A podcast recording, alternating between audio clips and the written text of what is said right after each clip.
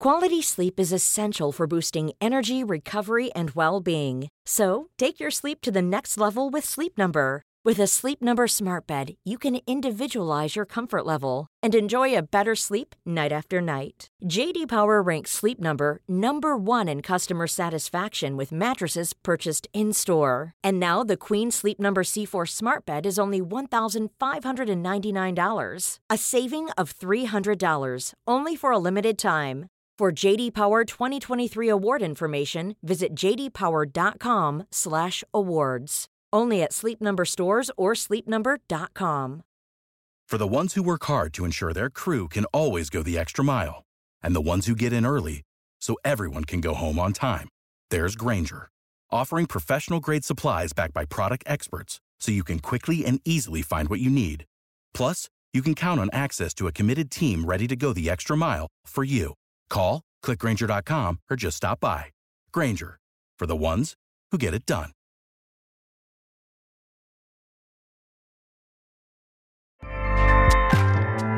ACAST powers the world's best podcasts.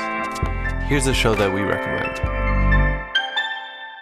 Hey guys, welcome to Giggly Squad. a place where we make fun of everything, but most importantly, ourselves. I'm Paige DeSorbo. I'm Hannah Berner. Welcome to the squad. Giggly Squad started on Summer House when we were giggling during an inappropriate time. But of course, we can't be managed. So we decided to start this podcast to continue giggling. We will make fun of pop culture news, We're watching fashion trends, pep talks where we give advice, mental health moments. and games and guests. Listen to Giggly Squad on ACAST or wherever you get your podcasts.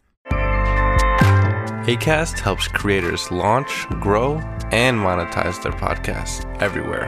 ACAST.com.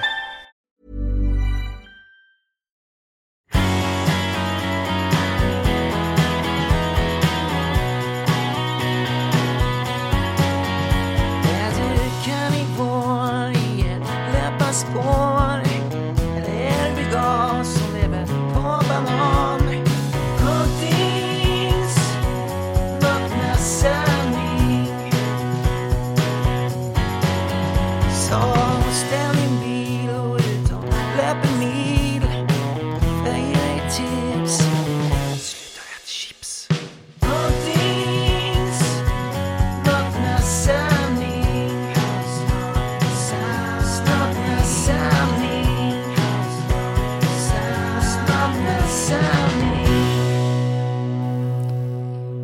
Vi hälsar alla lyssnare välkomna till avsnitt 408.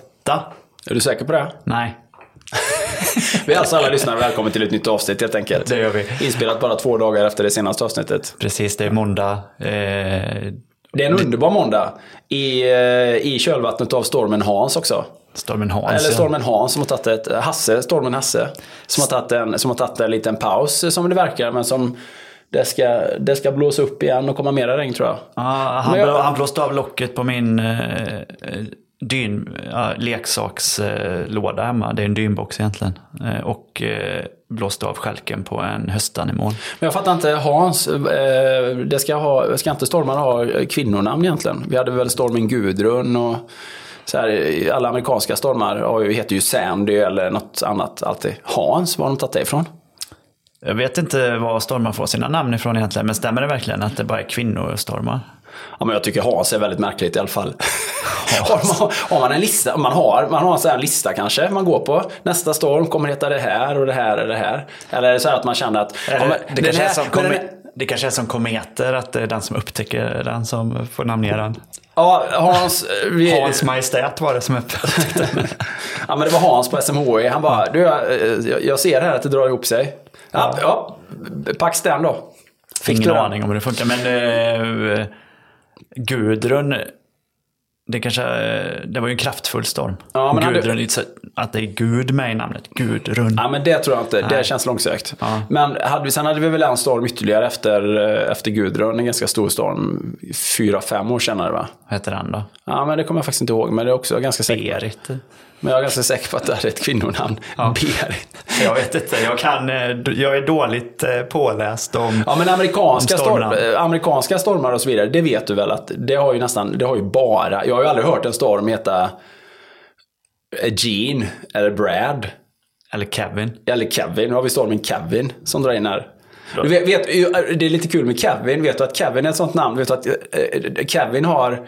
Det finns en, det finns en festival, eh, en Kevin-festival i USA. Apropå Kevin. Ja, det finns en Kevin-festival i USA. Eh, där folk som heter Kevin kan, kan samlas och trösta, sig, trösta varandra. Eftersom Kevin har blivit ett sånt namn som, har, liksom, som var tidigare var ganska populärt och som bara har fallit rakt ner. Det är ingen döper sina barn till Kevin längre. Så det är liksom ett utrotningshotat namn kan man säga. Oj. Så de har en sån Kevin. Får man inte gå dit då om man inte heter Kevin? Det kanske man inte får. Det kanske har ett sånt woke, det kanske har ett sånt där woke-rasistiskt, eh, en woke-rasistisk prägel att den, den är väldigt exkluderande på det sättet. Jag vet inte. Men, Ja, precis. Man får inte komma dit och, och låtsas att man heter Kevin. Men, det är som namnappropriering. Namnappropriering, precis. Ja. Kom inte här och tro att du är en Glenn. Kom inte hit och het Glenn. Ja, men kom inte hit om du heter Glenn och låtsas heta Kevin. Var det inte någon som vann Idol för, det kanske är länge sedan nu, som hette Kevin? Ja, han som också var Kevin. fotbollsspelare, som knappt kunde sjunga. Nej. Han vann för han var så snygg. Nej, nej men Kevin, var inte det han, var inte det han som hade maltesiskt eh, påbrå? Som, eh, som vann. Han som, han som spelade fotboll eh, var väl ganska duktig på att spela fotboll. Han spelar ju väl på, all- han spelar ju Djurgården. Nej men det kanske var, nej men det Han stämmer var då. duktig på fotboll men inte så duktig på att sjunga. Nej, men jag han, var, han var väl okej på att sjunga också. Ja men det stämmer då. Okej, blandar jag ihop det. Men har det varit två Kevin? Ja men Kevin Walker hette han va? Visst det. Kevin Walker. Ja. Ja. men han, var ju, han är ju en duktig fotbollsspelare. Eller vad- jag vet inte vad han tagit vägen. Men han spelar ju i Djurgården i Allsvenskan sen nu. Eh, men sen fanns det ju väl, det var väl en ytterligare en Kevin? Eller vad hette han då? Är det två Kevin som har vunnit Nej men nu, det fanns ju en kille som hade ett maltesiskt eh, eh, påbrå. Det borde man ju eller- tipsa den här Kevin-festivalen om att de ska boka dem då som artister. Två Ja. Kevin som har vunnit Idol i Sverige. Ja, absolut. Ja, ja. Man undrar ju så här om Kevin Spacey får komma dit och tala eller... eller eh, Det blir problematiskt. Ja, det blir problematiskt. Han är deplattformerad i sammanhanget då. Ja, ja men hur som helst, eh, stormen has. Men eh, det är ju måndag morgon och eh, jag, jag, sitter ju helt, jag sitter ju här helt uppfylld av min... Eh, jag är väldigt nöjd bara av min eh, härliga måndagsförmiddag då. Jag gissar vill- att det är för att du har tränat mycket och ätit lite. Ja, exakt. exakt. Det har varit en jagstärkande, en jagstärkande morgon på det, sättet Det faktiskt. har varit excesser och eh, vad är motsatsen? Eh, ja, motsatsen till excess är väl eh, av, eh, Avhållsamhet. avhållsamhet. Det har varit- Excesser och avhållsamhet är en perfekt symbios. Ja, men exakt. Det har varit excesser av träning. Men, eh, ja, men jag fick en fin, jag fick en fin, eh, fick en fin träning i morse här. 5000 simning med, med Tobbe med 30 hundringar eh, bland annat. Och sen avslutar vi faktiskt med lite medley med eh, då fjärilsim också. Vilket, ju, vilket ju, första 50 fjärilsim där som vi simmade, har jag nästan glömt. Jag har nästan glömt eh, fjär, Det är alltid lite tufft att gå från en lång hård armserie över och simma, och simma medley. Så att första 50 fjärilsim så hade jag nästan glömt hur man simmar fjärilsim. Det var väldigt haltande. Jag visste inte hur jag skulle rulla huvudet eller hur jag skulle andas riktigt. Det var väldigt osynk. Eh, sen, sen så kom det lite, lite, blev lite bättre tekniskt. Men, men fjärilsim är ju en... Händer det ofta? Du simmar ändå fjäril ganska ofta tycker jag. Ja, jo, men, men eh, jag var trött också. Ja. Eller så, eh, plus att eh, eh, när man har simmat en längre armserie och så, och så börjar man simma fjärilsim då som kräver mycket mer benspark så är det, det är lite lätt att få liksom så här, lite kramp under foten eller i vaden. Kan det vara. Eh, och det, vilket ju alla simmare känner till. Så, och, eh, ja, men det, det är väldigt bra att kräma ur eh, det sista. Eh, om man nu känner att man vill ha lite bra styrketräning eller lite bra puls i slutet så är några 50 fjärilsim will do the job om man säger så. Just det, om man kan då. Ja, precis. Exakt. Ja. Annars, eh, it, Ja, will, men- it will do the drown. Annars. Ja, jo, men, men faktum är att du skulle vara överraskad över hur, hur många som ändå lär sig fjärilsim eh, ganska snabbt. Så, när vi kör våra simcamp då, så är det ju folk som kommer som inte skulle, de skulle inte ens kunna drömma. Ja, men du vet, folk kommer ju och så är de nöjda att bara sätta krålet. Eh, en del kommer ju och absolut inte kan kråla. Liksom. Eh, och, så. och så är det ju en del som simmar lite sämre i krål och som bara vill förbättra det. Men vi brukar ju alltid också eh, träna lite fjärilsim så här på skoj. Eller att få folk att göra fyra, fyra fjärilslag utan andning. Och det är ju liksom inte jättesvårt med fjärilsim. Det är ju liksom att, och då gör vi det på det lite, den lite grunda delen där hyllan på bana noll. Och då eh, bara liksom ta avstånd från botten botten och så försöker inte ens andas utan bara ha huvudet neråt och så bara gör som Sara Sjöström, bara vräka armarna framåt. Eh, båda två samtidigt. Och folk löser det. Det är ju inte snyggt och det är ju liksom inte, men det, är ju en, det blir ju ändå en, en väldigt bra fysträning. Detta ska du få bevisa för mig i praktiken eh, då. Ja. I oktober Ja, på det simcampet. ja. Att du, du, du ska få träna på fjärilsim. Ja. Eller jag ska bevisa det med hjälp av andra eller ska du Nej, själv? du ska bevisa det med hjälp av mig. Ja, för för jag är ju den personen. Ja, du är den personen. Ja. Ja. du ska simma fjärilsim. Ja. Det är fjärilsim, ryggsim, vi gör också voltvändningar. Så det där är ju liksom sak, det är ju företeelser eller färdigheter som är svåra att bemästra på ett bra sätt. Att göra liksom en bra voltvändning eller att göra bra ryggsim. Men det är ju hela skalan. Jag simmar ju liksom inte bra ryggsim, men jag simmar ju habilt ryggsim för att, för att vara jag. För att vara en 50-årig numera icke-simmare. Eh, Så. Jag, jag, det är inte så att jag hade velat vara med och simma 200 ryggsim eller 100 ryggsim på någon tävling. Det hade inte varit skönt. det, hade inte, det hade varit en chock. Ja. Eh, Men eh, samma sak med fjärilsim. Jag simmar ju okej fjärilsim men, men det är ju absolut inte mer än så. Du använder det mest för att variera och sånt där. Jag vet Ja, det är ju du... bra fysträning. Det är ju väldigt bra för öppet vatten. Fjärilsim är ju, fjärilsim är ju så jävla krävande liksom. Och i och med att båda armarna ska över vattenytan samtidigt så är det sjukt bra träning för allting som har med våtdräkt att göra. Eftersom där har man ju det här inbyggda våt, man har ju ett inbyggt motstånd ifrån, ifrån sin våtdräkt. Eh, och sen i regel har man ju en grövre, alltså du simmar ju väldigt sällan i platt vatten så att du behöver ju liksom ha förmågan att lyfta armarna lite, lite högre. Du behöver ha en bättre rotation. Och det gör ju att de första passen man simmar med våtdräkt, även om man är en vältränad simmare, så får man ju regel, liksom, man blir väldigt trött i axlarna. Eh, och man kan få träningsvärk i axlarna och i skulderna och, och sådär. Och det, och det är ju naturligt därför att det är en liten annan teknik helt enkelt, med ett annat motstånd. Men fjärilsim tränar den förmågan. Så att eh, det är ett superbra sätt då. Jag har alltid kört mycket fjärilsim när jag preppar för någonting som är öppet vatten och våtdräkt. Jag, jag vet också att när du sim, har simmat de här långa simningarna så blir det ganska mycket ryggsim, eh, eller mycket. Du eh, kör lite ryggsim emellanåt som Ja. vila, typ. Ja, men för att växla med rörelsemönster och sånt där. Ja. Ja, definitivt. Eh, Det är också väldigt tacksamt. Som Så att, ja. så att eh, det enda simsättet som jag har en aversion emot är ju bröstsimmet. Som jag i princip aldrig simmar riktigt. Alltså med riktiga, riktiga armtag och riktiga bentag. Jag kör ju en del medley med zoomers, med fenor. Alltså Mm. med simfenor. Och då kör man ju fjärilskick då på, på bröstsims, bröstsimmet. Men Ja, det är ju okej. ett märkligt, som man kallar det för short axis stroke. Det är fjärilsim och bröstsim som är short axis stroke. Där man inte använder sig av en kroppsrotation. Ryggsim och frisim är ju long axis strokes. Men bröstsim är ju ett simsätt som går under vattnet, under ytan hela tiden. Eh, men jag är ju kategoriskt dålig på bröstsim. Alltså jag är riktigt, jag är riktigt, jag är riktigt eh, dålig. Jag är ganska bra på bröstsim med, med zoomer så kan jag ju ändå vispa på om jag behöver. Men, men alltså sammansatt bröstsim, jag är otroligt dålig på bröstsimsbenspark. Den här grodsparken? Ah, nej, fruktansvärt dålig. Det är ju en väldigt, det är en väldigt eh, biomekaniskt osund, eh, märklig rörelse överhuvudtaget. Eh, så, jag känner att det ligger, finns mängder med överhängande risk att man ska dra någonting i något, i något innanlår eller ljumske eller någonting när man simmar bröstsimspelspark. Jag får alltid ont i knäna av bröstsimsparken. Ja, det är inget, vi, precis, av alla goda skäl i världen så ska vi undvika bröstsim.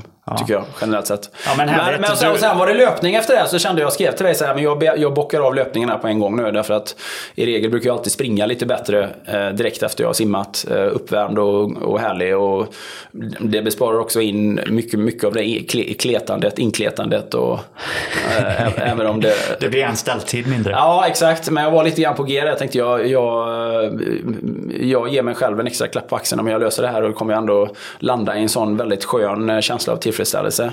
Hur mycket, eh, hur mycket sprang du då? Ja, men då sprang jag fyra varv uppe, uppe på platån där, så det blev väl en sju kilometer. Och eh, det blir ju fyra, eh, ja, det blir fyra intervaller som jag springer då. Jag kör ju en minuts, en minuts vila emellan då. Och så i en liten så här, lite tek, mer teknisk eh, terräng. Lite mer ö till ö löpning på det sättet. Utan att det blir, inga hala klipper såklart. Men, men mycket mer så snabba fötter och eh, det är en perfekt runda som jag har där. Hur kändes det då? Det verkar som att du, eh, du har någon slags eh, förhöjd träningsglädje nu senaste ja. tiden. Ja, men min träningsglädje är väl på... Ja, men det känns lite... Det blir bättre och bättre. Och det är väl mycket för att jag bara blir bättre på att springa. Så att det går ju verkligen mycket snabbare, känner jag. Det, det, har, ju, det har ju tagit sig ganska bra eh, på, en, på en medioker nivå eh, alltjämt, naturligtvis. Men, men ändå på en nivå som inte är katastrof. Det, det är liksom, jag känner mig inte längre som en icke-löpare.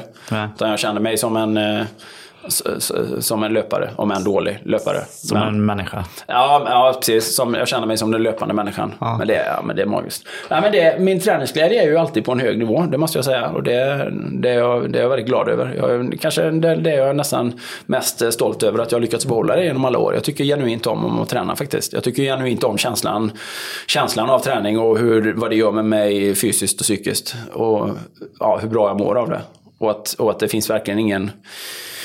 Ja, men det finns liksom väldigt sällan en känsla av krav eller eh, eh, prestation, eller negativ prestation. Utan det är väldigt så här, jag kan släppa, jag kan, jag kan liksom tillåta mig att eh, Ja, men jag bryr mig inte om ifall att det alltid blir... Eh, nu simmar vi inte de här 30 hundringarna så snabbt idag exempelvis. Då. Eh, men, men vi gjorde det. Just det här att det finns ändå en väldigt hög känsla av nöjdhet. Oavsett egentligen hur, om det... Ja, gick det fort eller gick det... Liksom, var det... Är det någonting man skulle kunna skriva på... Är det någonting man kan skryta om på Facebook? Jag snittade det här. Ja, men förstår du vad jag menar? Det, Hur skiljer sig den känslan till eh, känslan du hade för 22 år sedan då när du skulle köra VM? Du skrev det på Instagram häromdagen. Ja. Eh, att eh, du åkte till VM mm, eh, med obetalda räkningar Ja. och, ut- och utan pengar att betala de obetalda räkningarna Ja, med.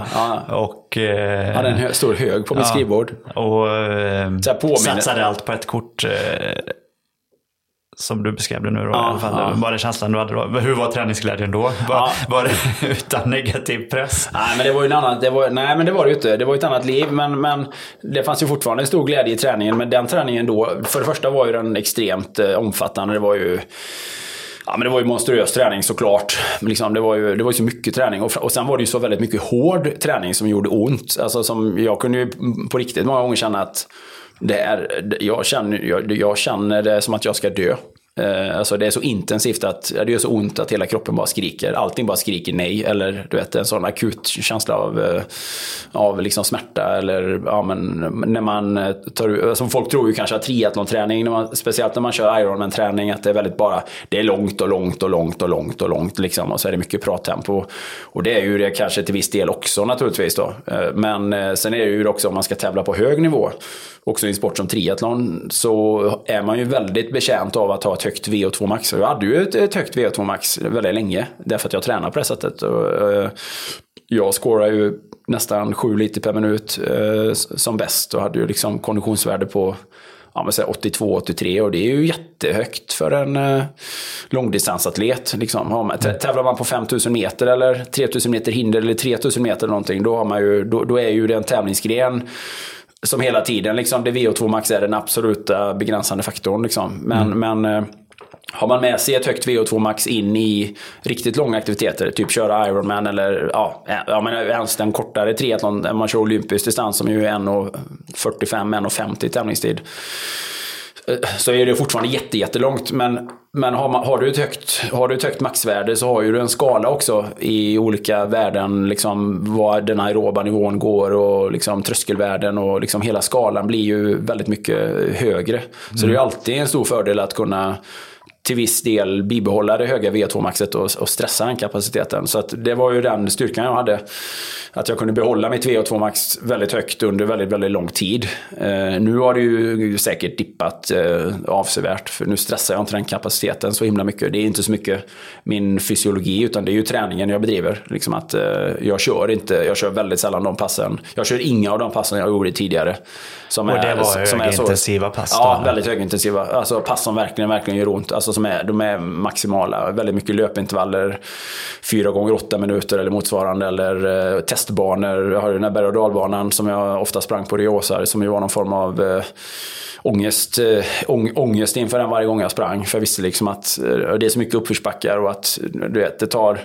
Du springer igenom, du springer igenom de där grindarna, eh, joggar dit och så springer man igen och så är det så här bara, ja, nu är vi här igen. Och så det är det ju verkligen så här, detta är ju ett test. Så att gör jag, ett bra, gör jag en bra testbana där så vet jag ju liksom att formen är extremt god. Men det börjar ju liksom, man springer igenom grindarna och sen så rullar du igenom eh, 200 meter av någon eh, liten, liten lätt uppförsbacke. Sen hamnar du ju liksom i en brutal uppförsbacke direkt. Och, det, och där är man ju uppe på, liksom, där är ju pulsen, drar ju pulsen iväg direkt. Liksom, och då är man uppe i 170 plus puls, eller på den tiden då.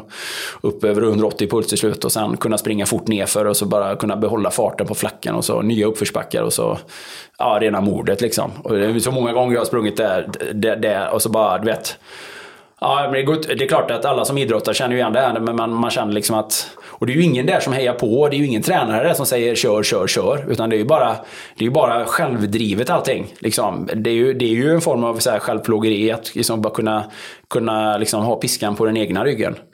Och, Men det, det är 22 år sedan eh, som du då tog din första VM-medalj, eller hur? Ja. Men var det startskottet för din eh, proffskarriär? Så som du beskrev det var det ju lite så här... eh, Ja, det, det var lite nu, det är nu eller aldrig, Ja, men jag gissar ja. att eh, Men jag hade det inte börjar kunnat- ju tidigare Ja, såklart. men jag hade inte kunnat... eh, Det var lite så här... Det hade ju inte gått att eh, motivera att lägga så mycket tid på träning och inte jobba med någonting om inte man tjänar pengar på det. Det är ju lite grann så. Alltså, det hade inte gått att motivera för mig själv. Jag hade, ju- jag hade ju inte kunnat försörja mig helt enkelt. Eh, Det hade ju blivit en ohållbar situation. Så att jag minns så mycket den... Jag minns så väl den perioden i mitt liv där, eh, om man säger 20, 2000, 2001. För att jag började hitta så himla rätt i... i jag började hitta min modell med träning där. Jag hade ju gjort... gjorde Och ju du bra- hade ingen coach, Nej, jag hade ingen coach, in, fram till den punkten och inte efter den punkten. Eller? Nej, sen hade jag i slutet på min karriär liksom mer folk som till viss del ibland tog jag hjälp av. Men det, jag var alltid bättre på att coacha mig själv. Mina största framgångar kom alltid när jag bara var själv var involverad och hade bra träningskompisar och modulera min egen träning. Så man, och jag var ju ändå, ja men jag gjorde väl okej. Jag var ju ändå, så 11 på VM, 99. Så, men det är, lite, det är lite för dålig nivå liksom för att man skulle kunna försörja sig på det, på det sättet. Och ändå så här, ja, scrape by på olika sätt. Men då vet jag det, när jag började hitta hem träningen väldigt bra där från, från 2000. Jag vet att jag var fyra på det som hette för-VM då, 2000.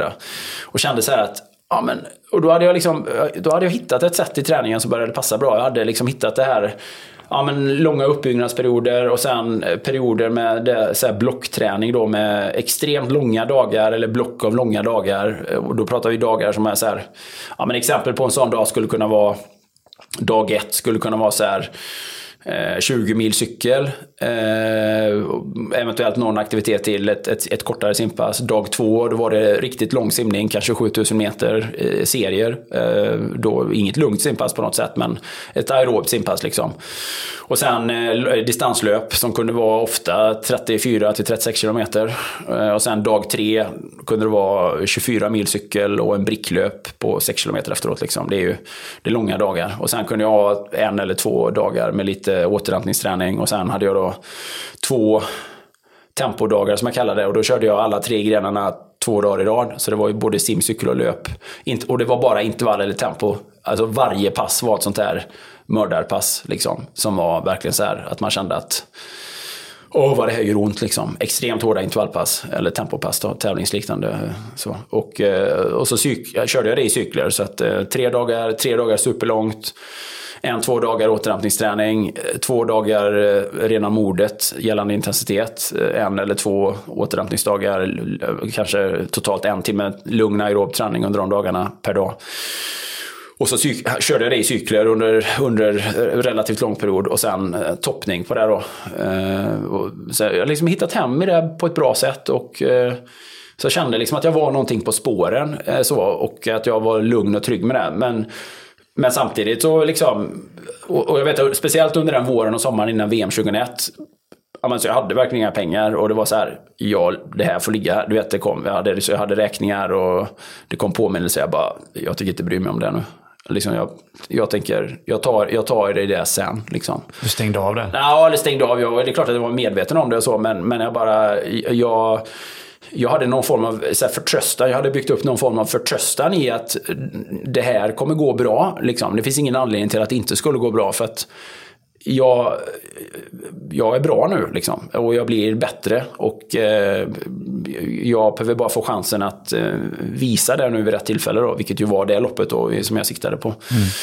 VM 2001. Och jag, vet, jag visste också att om, om eh, det loppet går bra. Så, och, det visst, och visst hade jag sponsorer och så redan då, men, men liksom det var för lite bara för att kunna försörja. Och, det fanns, och jag kände också att det finns någonting i det här som jag kommer att kunna förmedla efteråt. Liksom jag hade den här idén att jag skulle börja föreläsa till viss del efteråt. Att, eh, att jag hade någonting, ett embryo till någonting att berätta, även om det var väldigt osorterat vid det här laget såklart. Eh, Hur funkade det med VM då? Var det förbundet som Ja, då är det skickade folk? Ja, Behövde ja. du kvala med- via något SM eller så här? Nej, nej, utan det var ju mer att man blev uttagen bara. alltså, okej. Jag hade ju vunnit SM eh, året innan och så, så det, var, det var väl aldrig något problem. Men förbundet hade ju liksom inte mycket pengar. För, förbund, det var inte så att man fick, man fick ju liksom ingen, man hade, fick ju inget försörjningsstöd från förbundet. De täckte väl vissa kostnader, men Du fick, du fick ingen konstnärslön Nej, staten? jag fick ju inte det. Nej, verkligen inte. Och det var ju inte så att... Det var ju, och det här var ju liksom innan triathlon blev lite mera mainstream så, på det sättet. eh, Det var en liten sport. Nå, det var ju, det var ju framförallt... Nå, på ett internationellt plan hade ju triathlon redan boomat och triathlon var ju redan med i OS år 2000 och sådär. Men vi var ju inte inne i den här triathlon-expansionen, alltså det, det triathlon blev commonplace i Sverige. Är klart att eh, folk visste vad triathlon var, det var inte, inte på det sättet och det fanns ju gott om tävlingar. Men, men eh, den, den stora boomen kom ju sen 2012 då när Sverige fick en Ironman-tävling och, och Lisa Nordén tog VM-silver och, och vi någonstans öppnade dörren in till en, en, väldigt, en väldigt stor generell trend att många skulle köra klassikern. och det blev ett väldigt stort intresse kring konditionsidrott och, och så vidare. Så att hela den sektorn växte ju enormt mycket. Samtidigt som ÖTÖ började få riktigt bra fotfäste och helt plötsligt så känns det som att alla skulle träna för en Ironman och, och så. Det, och det är ju jättemycket tack vare det enorma jobbet jobbet man gjorde nere i Kalmar och att man liksom till slut fick en Ironman-tävling. Eh, så, så att, eh, det är klart att rent ekonomiskt eh, så hade det ju varit bättre att ha, sin, att ha piken av karriären där under de åren. Nu var jag ju, nu var jag ju tio år tidigare där. Men, men grejen var liksom så här, det var ju mer inställningen som jag, som, som jag reflekterade över. Liksom att jag, det är klart att jag hade ju kunnat ta ett halvtidsjobb eller någonting i den här processen 2021. Och tagit något eh, enkelt halvtidsjobb som inte liksom hade varit så stressande kanske. Men inte vet jag, jobba halvtid på ett lag. Det var ju många andra som gjorde det. Liksom. Jag, jag- det, var, det var ju många andra kämpande konditionsidrottare som jag träffade under den perioden som man tränade med. Och alla hade ju liksom samma problem. Men det var ju cyklister jag tränade med och andra triatleter. Och många gick ju den vägen då. Att de hade någonting, de gjorde någonting annat också. Men jag, jag, jag gjorde inte det. Nu hade jag ju andra, jag hade väl till viss del vissa sidoinkomster också. Jag, jag hade, ja, jag, eh, ja, men jag, jag, jag gjorde ju lite grann coaching och jag tror jag, jag, jag skrev lite grann för lite tidningar och fick lite betalt och så. Men det var ändå, men det var ändå sånt jag roades av att göra. Liksom. Det var inte det här, det var inget det var inte som att jag behövde gå till jobbet någonstans. Det var inte så att jag hade så här, ja, jag jobbar varje dag mellan 16 och 20 eller jag, jag delar ut pizza på kvällen eller du vet, eller delar ut tidningar på morgonen eller någonting. För att få den här tryggheten i ekonomin. Det hade man kunnat göra och det är klart att det hade ju varit smart på ett sätt. Men det hade ju också kompromissat min satsning otroligt mycket. Därför att träningen var ju så omfattande att det, det fanns liksom inte mycket utrymme. Dels för att dels kunna styra sin tid. Det går inte att säga så här, ja men jag ska sitta på cykeln klockan åtta. Nej, för att jag sov alltid utan klocka på den tiden. Så jag menar, jag kanske inte vaknar för en halv tio. Så att, så här, för det var en del av min strategi. Jag bara, jag behöver maximera min återhämtning. Jag gjorde jättemånga träningspass i min karriär som började efter lunch. Jag var väldigt sällan uppe och tränade tidigt morgonen. För då hade jag behövt att ställa en klocka. Jag var ju mer kvällsmänniska på det sättet. Och det jag behövde göra administrativt och kreativt, det gjorde jag ju ofta på kvällarna och ibland in en bit på nätterna och sådär. Men, men så hade jag liksom så här förtröstan över att men det här kan nog... Det, det finns någonting här och så jag trodde, jag trodde ändå på min förmåga att kunna leverera sådär. Så att det var en sån, det var ju en sån make or break. Jag visste väl det i mitt bakhuvud att eh, det behöver gå bra här. Det behöver nog gå bra här. För att eh, det finns liksom ingen... Eh, det finns liksom ingen eh, rimlighet i att vara 29 och eh, liksom visserligen vara duktig såklart. Men, men inte så duktig att det finns en ekonomisk eh, verklighet att falla tillbaka på på något sätt. Då. Men det blev inte ett... Eh, blev, det, blev det som ett hjärnspöke som begränsade dig? Eller blev det inspiration? Absolut inte. Men det var inspiration. Det var ju mer så här, nej, nej, nej, jag stressade. Och jag tänker tillbaka på det. Jag stressades faktiskt inte av det. Och jag tror att det var det. Jag hade väldigt mycket förtröstan. Så jag hade väldigt mycket, liksom, jag hade väldigt, ett väldigt gott självförtroende in i det och kände så här att Eh, och, och, och du vet, jag tror vi nämnde det häromdagen, det här med sociala medier och så vidare också. Liksom att jag kunde leva i den här illusionen av att eh, jag kunde ju göra vissa träningsdagar där jag kände så här. Det finns ingen, det finns ingen triatlet någonstans som har gjort det här bättre än vad jag har gjort det idag. Det finns, ingen, det finns ingen som har pressat sig hårdare än vad jag gjorde idag. Liksom. Så, det, är klart att, det är klart att det fanns. Det är klart att det, eller gissar jag i alla fall. Men, men jag menar, man kan ändå bygga upp den tron runt den egna förmågan på ett väldigt positivt sätt. Och dels kunde man också verka lite grann i, ja men bara en sån sak som att som, man gör, som jag gör idag, det här, eller som jag ser många andra gör också. Det ska instagrammas och fotas under passet. Liksom. Det är ju en distraktion, definitivt. Det, det, det ser man ju en del idrottsproffs som gör. Så här, och, och det är ju klart att det förtar ju lite grann av själva jag var så trött under mina intervallpass, fanns ju liksom inte på kartan att jag skulle tagit upp en telefon och filmat någonting. För jag låg ju i en hög på marken liksom och bara, du vet. Mm. Eh, fan, hade svårt att stå på benen ibland. Eller så, så att då hade man behövt, så att det var ju också så skönt att man kunde ju intala sig själv. Man kunde vara i sin egna bubbla. Ja, men jag kunde intala mig själv att jag gör någonting som ingen annan gör riktigt lika bra som jag gör det just nu. Det är ingen som har cyklat längre med bättre snitt än vad jag har gjort idag. Liksom. Den typen av eh, självförtroendebyggande illusion skulle du kunna kalla det. Men det, det är väldigt viktigt för en idrottsman. Att känna så här att, eh, att, att man är liksom på toppen av sitt game. Att man eh, eh, håller en nivå som de bästa gör eller som nästan ingen annan gör kanske då. Att man kan, åtminstone kan få sig själv att tro det. För det är självförtroende och det spelar väldigt stor roll när man är på väg in i det. Och att inte underminera sig av att så här, oj, jaha, okej, han sprang ju dubbelt så långt, eh, dubbelt så fort, eller, eller du vet. Sådär. Va, vilken slags koll hade du på dina konkurrenter? Nej, men man hade ju inte mycket koll för det fanns ju inga sociala medier. Men det var ju genom bara, det var ju typ så här tävlingsresultat från alla tävlingar bara. Mm. Det var ju bara liksom vem som gjorde vad eh, på vilken tävling. Liksom. Det fanns ju Men slå- du, du hade den kollen du kunde ha i alla fall? Jo, eller? eller man visste ju vilka som... eh, Ja, det är klart att man hade... Ja, jag har alltid haft bra koll på... Men samtidigt så brydde jag mig inte så mycket om det heller Niklas. För att jag... Det är lite grann så. Jag hade också utvecklat det tänket så här att... Så här, jag har ingen kontroll över vad andra gör. Jag har ingen kontroll över deras prestation. Det enda jag kan göra är att kontrollera min egen prestation, mina egna förberedelser och mitt eget lopp. Liksom. Jag kan inte... Sen är det ju alltid taktik under loppet och att kunna reagera på saker som händer. Men det var liksom, jag var väldigt lugn i det också. Och under mina bästa stunder så gjorde jag det väldigt, väldigt bra. Under mina sämsta stunder var jag ju mer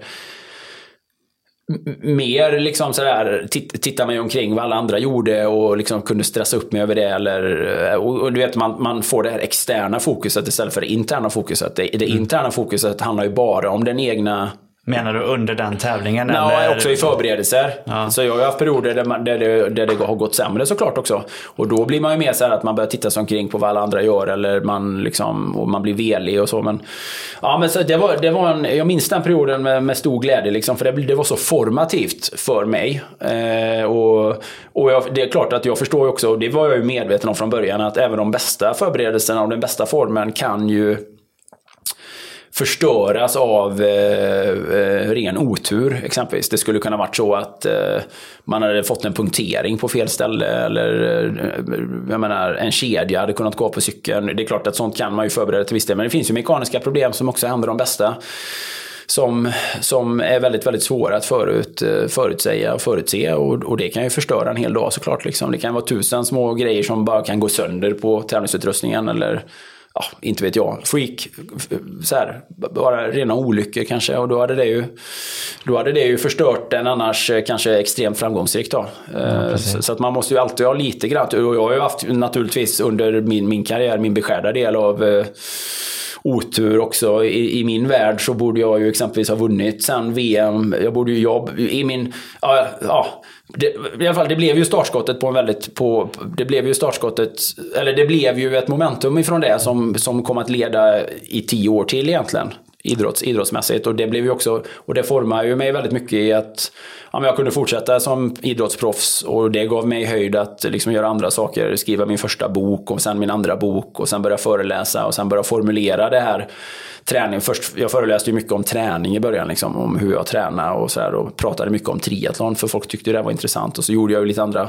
smarta saker längs vägen där som gav mig uppmärksamhet. Jag körde den här 24 timmars jakten och klassikern i ett streck och jag kunde välja rätt tävlingar som gav mig mycket uppmärksamhet. Eh, som typ Ultraman på Hawaii och sen ö till ö och sen så. så att, eh, ja, men det, blev ju, det blev ett bra momentum och en bra skola och det, ska, och det blev också mycket så här insikter och kunskaper i, i, i det hela. Då. Men just den dagen var väldigt Hur, Den- min, hur minns du det loppet? Hade du, eh, om du nu hade den tanken, liksom, det är nu det gäller? Eller jag- vilken väg jag ska gå Jag sen? kan, ju, jag kan ju tänka så när jag tittar tillbaka på min karriär då, speciellt när det gäller VM då. Eh, VM, de VM när jag körde bra, jag var ju tvåa. Trea. Jag var ju tvåa sen 2004. Jag var ju tvåa, trea, fyra eh, i mina bästa lopp. Sen var jag faktiskt också femma och sexa och åtta tror jag. Och nia och elva. Så det är en ganska bra rad där. Men de, de tre loppen som var de bästa loppen. Den totala tävlingstiden på de tre loppen är ju Eh, ja, men typ give or take 20 timmar, 20 timmars total tävlingstid på de tre loppen där. Och sammantaget, det som hade skilt en andra, tredje och en fjärde plats mot eh, tre segrar. Det är ju så här, det är ju fyra minuters tävlingstid totalt. Eller någonting. Eh, Så att det, är- det är ju också små marginaler. Det skulle ju kunnat ha varit tre VM-guld istället för en andra, tredje och en fjärde plats. Men det, det är ju vad det är liksom. Jag gjorde ju vad jag kunde. Det, det, loppet jag kan, det loppet jag kan känna lite så här att ja, men det var lite synd att det blev så. Det var ju 2005, då kom jag ju fyra. Men det gjorde jag ju egentligen mitt. Då var jag faktiskt i min, i min bästa form någonsin. Jag var, 2007 var jag också i extremt bra löpform, men i lite sämre eh, sim och cykelform kanske. Men eh, 2005, då borde jag ha vunnit VM. Då, det var, jag, jag, jag var exceptionellt bra form. Jag var exceptionellt bra förutsättningar. Men Varför då vann är- du inte då? Nej, men då är det ju så på de här tävlingarna, på, speciellt på VM i triathlon och eh, så är det ju också på alla så är det ju på liksom alla Ironman-tävlingar. Alltså proffsen kör ju med age groupers. Så man kör ju med alla amatörer. Och just på den tävlingen i 2005, då var det ju en varvbana. Så det innebär ju att eh, du passerar, du är ju en massa ja, motionärer eller age groupers under loppet då. Så har man ju de här reglerna med drafting då, att man liksom inte får ligga på rulle. Och då fick jag ett drafting-straff. Jag fick ett kort, eh, så här, så här, man får ju ett kort så. Du, blir, ja, du får ett rött kort. Det innebär ju att du får någon form av straff. Nu för tiden kan det ju vara att du behöver stå still då, penalty box, stå still i fem minuter. Eh, Lisa fick ju ett sånt olyckligt straff nu när hon körde Hawaii senast. Då, hon hade cyklat upp i täten. Jag tror jag. eh, Hon hade gjort, men någonstans på vägen så fick hon ett fem minuters Jag kommer inte ihåg om det var för drafting eller för blocking eller för att hon hade legat på... Ja, men det var någonting hon fick för. Eh, och det är klart att, eh, att... Och det är inte bara... Om det var tre... Jag tror fem minuter hon fick stå till. Och det är inte bara, bara negativt. För du får en chans att pul- pulsen får gå ner och så här, Men det är klart att det är ju... Hon hade gått ut på ledning, Hon hade gått ut på löpningen i ledning där på Hawaii. Och istället för att komma femma då hon högst sannolikt kom i trea. Så det kan vara surt. I mitt fall var det att man behövde göra en extra löpning efter, efter man växlade till löpningen. Då var du tvungen att springa ett, ett straffvarv, ungefär som på skidskytte. Ja. Som var typ 400 meter. Då. Och grejen var ju så här att jag draftade ju inte. För vad jag gjorde var att jag kom ikapp en age grouper. Jag cyklade dubbelt så fort som den personen framför mig. Det var någon 53-årig tysk eller något liknande. Liksom. Men det var inne, också inne i stan, så det var en teknisk bana. Med svängar och kurvor och liksom... Och, så att jag hamnade, jag kom liksom inte riktigt förbi när jag skulle, så jag hamnade bakom den personen bara. Och det Lite var, för länge. Nej, inte för länge. Utan det var ju bara att motorcykeln kom upp och såg det. Han, han kom ju bara upp. En, en bra domare ska ju betrakta situationen. Han ska ju bevaka situationen en stund för att se att det inte är en sån grej. Typ så här, man väjer för någonting exempelvis. Eller att du, du, det, finns en, eh, en te, eh, det finns en teknisk aspekt av banan som gör att liksom, det är inte ett försök att ta, eh, Och det är ju så uppenbart. Vad fan skulle jag lägga mig på, varför skulle jag lägga mig på rulle bakom en age grouper tre kilometer innan växling till löpning? När jag cyklar dubbelt så fort, typ. Så det var, det var ju så dumt, men han kom ju bara upp med motorcykeln och såg situationen och, och slängde upp kortet då. Och jag bara, what the fuck? Jag bara, du, alltså, det här är ju inte en elitaktiv jag har hamnat bakom. Och så, du vet, jag var ju på väg förbi, men jag hamnade där. Så, det var ju inte så att jag låg kloss an mot hjul heller, men jag låg lite för nära då. Men det var ju bara ett försök att liksom hantera, eh, samtidigt som man möter ju andra cyklister och så. Man får ju liksom, måste ju hålla sig på banan på något sätt då. Så det var en sån här sug. Hade jag inte fått, sen, och då vet jag, då, jag tror jag låg fyra efter cykeln och jag visste att jag hade en, jag visste att jag hade en enorm löpning som jag skulle unleasha. Liksom. Jag visste att jag så här, och då var det ju den klassiska långdistansen när man simmar 4 kilometer och simmar 12, äh, cyklar 12 mil och springer 3 mil. Och jag visste så här att det finns absolut ingen här som kommer springa fortare än mig på de här 3 milen. Jag bara, jag bara väntade på löpningen. Jag, bara, jag kommer verkligen unleasha där. Jag var verkligen i mitt livs löpform. Eh, jag menar, jag, du vet, distanspass i 4 minuters fart. Jag kunde göra det i sömnen. Du vet, allting jag sprang hårt låg tre minuters fart eller lägre. Liksom. Jag var, jag var, ja, men jag var ex, extremt bra löpform för att vara jag.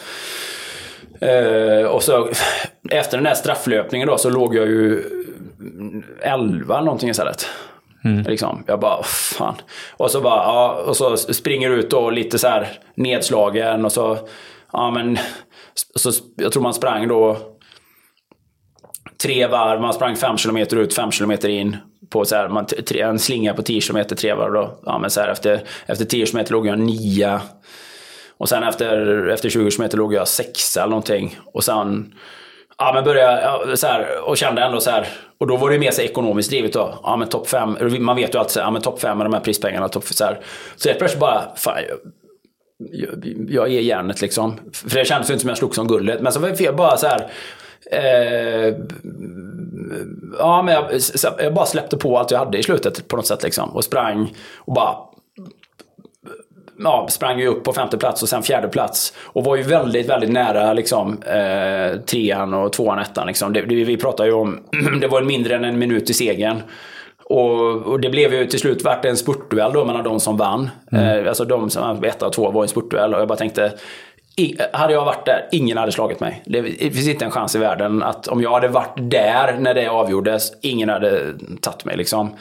För nu fick jag springa lite grann i tomme och utan den drivkraften liksom, och lite nedslagen. Och jag kände så här hela tiden att någon måste lämna in en protest. Men det är klart att du kan ju inte tilldela någon annan segern. Liksom. Även, om, även om man sa så här, ja det var ju väldigt märkligt och liksom, det var, ja, ja det kan vi, men det går ju liksom inte, vad ska vi göra liksom? Vi kan ju liksom inte bara säga, ja du vann. Då sprang jag på 1.47 tror jag på de tre milen.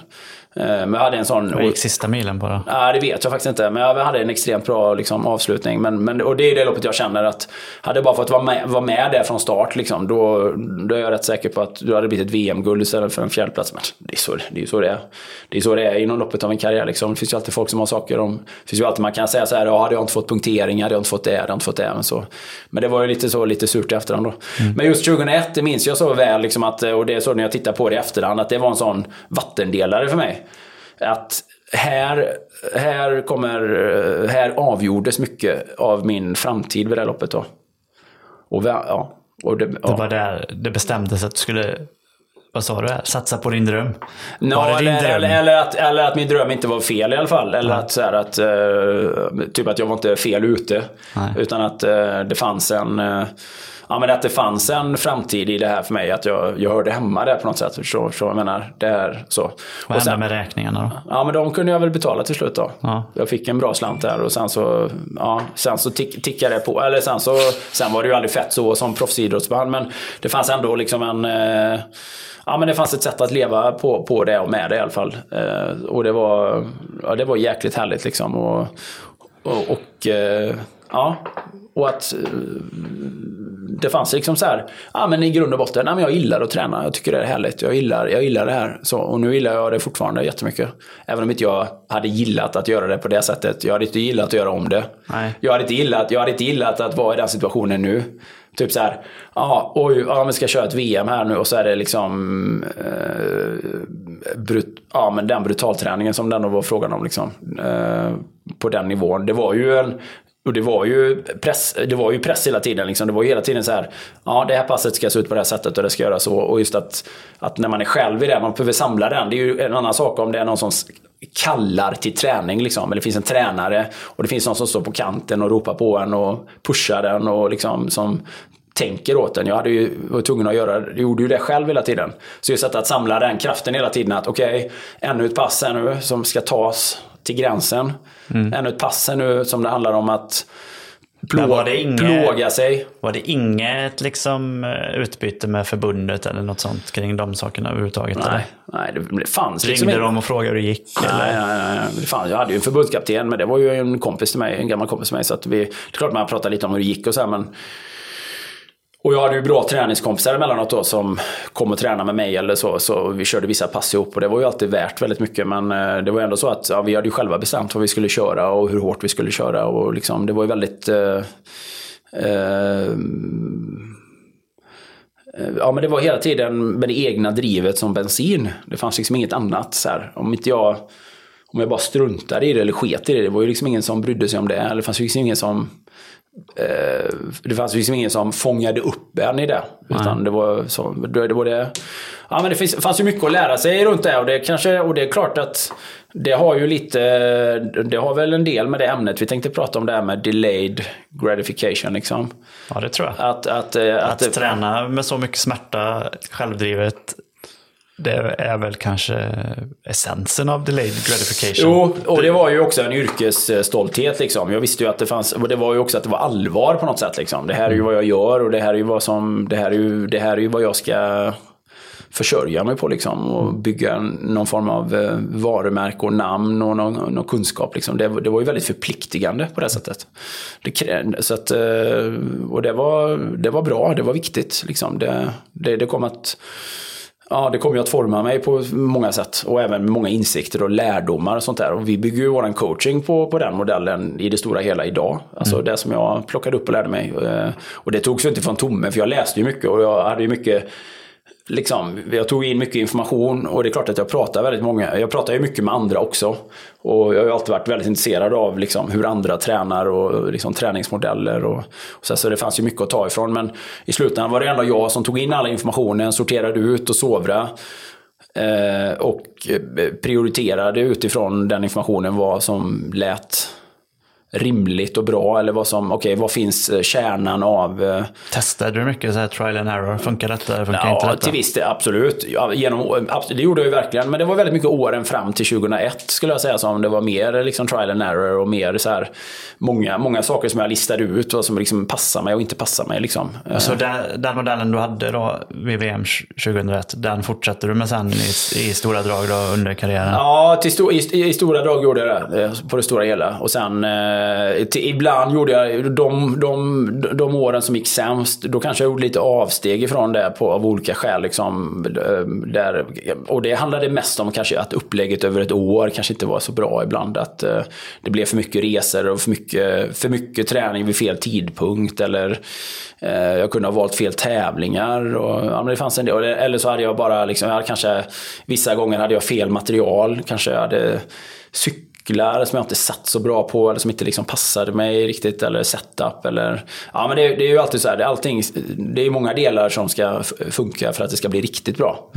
Och det kan ju bli ganska bra men inte riktigt bra liksom. Och så är det ju svårt, sen ska man ha med sig liksom, man ska hålla sig frisk, man ska hålla sig stark och skadefri, och man ska ha livet i balans och sådär. Och det är ju inte, det är väl nästan ingen som har det hela tiden liksom. Så, att, men, så det är ju upp och ner, var ju upp och ner, upp och ner många gånger liksom. Men det var, men just, just den dagen minns jag med väldigt så här viktig, eh, liksom, den, den kändes ju väldigt stor då. Men, men eh, det är ju först i efterhand jag har förstått hur hur, eh, ja, hur formativ den dagen kom att bli eh, för mig. Liksom. Hur var det loppet då? Kommer du ihåg hur loppet Ja, var? Hur jag kändes det på simningen? Ja, hur jag- gick det i växlingarna? ja. Och... Jag kommer ihåg att jag simmade in i en brännmanet det första jag gjorde. Redan på uppvärmningen. Redan liksom på, när man går ner i vattnet. Liksom. Det var ju i, i Danmark, i, i Stora Bält. Ja. Så vet jag, simma in i en brännmanet.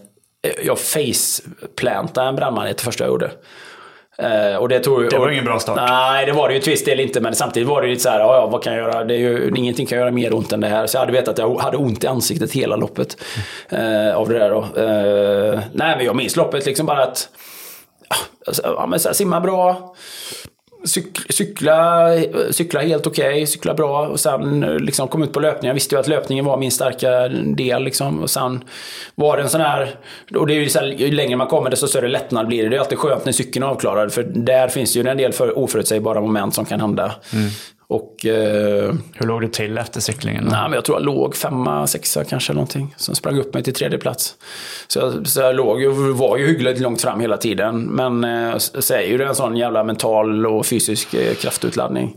Men jag minns att det kändes väldigt, väldigt stort att vara liksom uppe och slåss om medaljerna och sådär. Och det var en bra drivkraft liksom. Att jag kunde hålla i och ja, nej, men det var... Det var magiskt liksom. Och, eh, och det som är kvar från den dagen det är ju glädjen till träning. Liksom att, eh, där. Och jag kan ju ibland tänka på det. Ibland känner jag ju så när jag, eh, du vet, jag står på bassängkanten på Liljebergsbadet. Jag tänkte på det idag när jag låg och simmade faktiskt. Jag låg och simmade lite ryggsim. Så tänkte jag så här. Då kunde jag tänka så här, ja, här har man ju legat och simmat 200 ryggsim på DM 1987. Du vet, jag måste ha varit nere på den bassängkanten, ja, jag vet inte, men jag måste ha varit nere på den bassängkanten tusentals gånger bokstavligt talat. Inför ett simpass liksom. För det fanns ju gånger jag simmade två pass om dagen och somrarna är ju ändå tre, tre och en halv beroende på när. Men alltså, det är ju så här, och att, att jag fortfarande kommer tillbaka till det. Det är liksom både en sån här, dels kan det ju vara en sån här liten insikt om hur Ja, men vilken eh, statisk, eh, konservativ människa du är, kan, man ju känna, kan jag ju känna så. Eller liksom, här finns det inte... Eh, här har det inte skett mycket utveckling, skulle man kunna tänka. Men samtidigt är det så här, nej, och varför skulle jag vilja byta bort någonting som är så fantastiskt konstruktivt och sunt och fräscht och härligt? Ja, så, så härligt att jag fortfarande kommer hit och simmar mina 5000. Även när jag är 50. Står här på en regnig bassängkant, bassängen är helt tom. Och så får jag med mig Tobbe då, min, en av mina absolut bästa vänner. Och så gör vi det tillsammans. Och så bara två riktigt medelålders män. Och som bara, nej, fan vad bra av oss att vi är här och simmar. Vad bra för oss. Vad bra för oss att vi är här. Det är lite så här, och då, då kan jag bli väldigt glad över det. Känns så här, vad, vad, vad härligt att den finns kvar, den här känslan av eh, att det här är så konstruktivt och liksom produktivt och, och, och glädjande och, och hälsosamt då i grund och botten extremt hälsosamt. Liksom att komma hit, liksom, på vilket sätt skulle det vara bra att bara inte göra det längre? På vilket sätt skulle det vara värdefullt för mig att inte gå hit och simma längre? Och sen gå ut i skogen och springa lite grann. Så det, är, det, är, den, det tycker jag är, det är jag väldigt glad över. Att det finns kvar. Glädjen till det och liksom, ibland pressar man på lite mer, ibland pressar man på lite mindre. Men man är ändå i vattnet och kör liksom. Man är ändå ute och ja, tar de här passen hela tiden. Då, liksom. Så att, eh, Det är jag också glad för. Jag är glad att det gick så bra 2001 och att eh, du fortfarande känner en glädje. Annars hade vi ju förmodligen inte suttit här. Det, vi hade garanterat inte suttit här. Jag hade väl haft någon form av annan karriär kanske. Men, men, eh, och det kanske hade livet hade väl sett ut på ett annat sätt. Och det är ju alltid intressant att spekulera i de här vägarna man tar. Jag menar, tänk om inte vi, tänk om inte du hade känt Elin lite grann och du hade varit ute och cyklat med henne och hon hade pratat om att Jonas har funderat på det här med podd och du vid det här tillfället inte hade något speciellt att göra. Och, och jag och Elin visste att jag behövde ha någon att jobba med och så. Tänk, tänk vilken vändning ditt liv också tog där. Verkligen. Alltså, och det är, ju, det är ju det som är så... Det, och man ser ju aldrig de stunderna i sitt, i sitt rätta sken precis när de händer. Man ser ju aldrig så här, man ser ju aldrig vikten eller vä- i, en- i, I en del fall, och oftast är ju det traumatiska saker som händer, där man känner så här, där man fattar direkt att den här dagen kommer jag aldrig glömma. När någonting hemskt har hänt kanske. Men, eh, men eh, man ser ju aldrig de här, kanske då, eh, en ganska, kanske, ja, inte en banal händelse, men, men, men att man ser, man kan liksom inte se då vad det här kan komma att betyda över det långa loppet. Liksom. Hur, hur, det här mötet var väldigt viktigt, när jag träffade den här personen var väldigt viktigt. Eller det här kommer att prägla mig och sätta, det kommer att sätta färg på mitt liv eller ge mitt liv en riktning under en väldigt lång tid framöver. Så, som, som när vi började jobba tillsammans. Liksom, det, är ju, det är ju 2015. Liksom. Ja. Det, är, det är långt tillbaka. Liksom, så att, Ja. eh, Och det var- är ju hela anledningen till hur livet ser ut idag. Och kommer göra lång tid framö- framöver. Eh, Så det är kul att reflektera över det och ibland liksom sammanfatta och, och förstå att eh, ja, och ibland finns det liksom en sån jäkla viktig poäng att eh, kanske inte stressa upp sig över det som är akut, eh, som man kan tycka är akut. Liksom. För det är ju lite akut att ha en massa räkningar som man inte har betalt. Men att känna så här att Ja, men jag gör det här först för jag har satsat väldigt länge på det här och jag ger mig själv chansen och så får jag deala med det här eventuella problemet lite senare i så fall då. Eh, Så får jag hantera det eh, längre fram liksom. Så att, ja, Det är coolt. Ja, men Livet det, är coolt. Ja, men det, det, ja, men det är spännande och eh, reflektera tillbaka ibland och se de här, eh, titta på de delarna liksom och titta på gamla bilder och, och så. Inte för att vara nostalgisk, men mer för att eh, Påminna sig. Ja, men att kanske förstå sig själv lite grann också och se hur, eh, ja, på vilket sätt, på vilket sätt eh, vad är det som har präglat en i ens liv och liksom, vad kan man ta med sig av det och att behålla, behålla då de här grundläggande värdena. Och, och, så här. och för min del är det ju att varje dag ge mig i kast med någon relativt sett i det stora hela naturligtvis obekväm aktivitet. Eller, ja, eller vad det nu är liksom. Det är ju lite, det är ju det är ju lite obekvämt att ta sig ner till Lideberg och stå där och, och frysa lite grann innan. Så hoppar man ner och så simmar man. Men så fort jag hoppar i vattnet så bara, shit vad härligt. Det här är, det här är fan vad nice alltså. Fantastiskt. Ja men det, så är det. det. Och det där har ju du också upptäckt. Vi ska trycka in lite grejer emellan här. Sen kommer vi tillbaka med ämnet som jag tror det tar ju lite vid eh, i det vi har pratat om gissar jag. Ja. Men eh, ja, du nämnde ju eh, lite om simcampen och vi har pratat mycket simning i uppsnacket. Men vi ska också nämna simkampen som kommer nu i höst. Ja, absolut. Vi, jag, och det blir också så inspirerande. Och jag, tror, jag, menar, jag hade ju aldrig hållit simkamp på det sättet om inte den här resan hade fått fortsätta på det sättet. För det blev ju en del av min verksamhet. Jag kände att här finns det ju någonting att, eh, att lära ut. Eh, liksom, om det är någonting som jag verkligen är expert på faktiskt så är det just att eh, lära ut väldigt, på ett väldigt funktionellt och avdramat, avdramatiserande sätt hur man, hur man börjar kråla och hur man ta tar med sig det in i eh, sin eh, livsstil och hur man eh, kan bemästra den färdigheten. Och att den är väldigt enkel att lära sig. Så. Och det är ju härliga, härliga simcamp. För att eh, de flesta som kommer är väldigt nervösa och vi har ju hela skalan ifrån ja, hyfsat erfarna Ironman, eller åtminstone väldigt vältränade, om inte kanske så simvältränade individer som, som eh, vill bara förbättra sig och till då absolut rena nybörjare. inte tränade överhuvudtaget kanske. Eh, jag menar, vi har haft 65-åriga tanter som vill lära sig att kråla. Eh, åtminstone då eh, dåliga simmare eller icke-simmare som inte kan kråla, som bara kommer tre meter krål innan de måste stanna och hänga på linan. Och vi tar ju alla upp två klasser. Eh, och och eh, det är ju oerhört inspirerande för, eh, för mig och för de andra coacherna. Så de, det, är ju, det, är ju, det är ju hårda helger för mig. Det är mycket, det är mycket tid på bassängkanten och det är hårt jobb. Men det är ju enormt tillfredsställande och väldigt, väldigt eh, liksom givande. Eh, Så. så då har vi simcamp i oktober som börjar fylla på väldigt bra nu. Och ska man, är man intresserad av att ta chansen tidigt nu under hösten och få med sig lite siminspiration så ska man anmäla sig nu då, 6-8 oktober. Så har vi ett camp i december, 8-10. Eh, det är våra två, eh, sedan ganska många år tillbaka, traditions eh, våra två liksom, månader, oktober, december. Sen kommer vi också att lansera då relativt snart eh, vårens camp. De brukar ju traditionsenligt ligga i januari och eh, april. Får se lite grann. Det har ju lite grann med hur badet är bokat och om det är annan verksamhet, kanske tävlingar och sånt där. Men, så vi ska börja undersöka det nu. Men simcampen är ju fantastiska, eh, tycker, tycker jag och tycker våra deltagare. Det är ju, man bor på hotell, det ingår, man, mat, allting. Vi har mycket föreläsningar, pedagogik, metodik. Vi kör simfys, rörlighet, styrka. Vi är ute och springer en gång. Eh, och det är ju mest för att många har löpning som någon form av träning. Och det är ju för att det är skönt också att komma ut med lite frisk luft. Vi simmar ju inne på Borås simarena.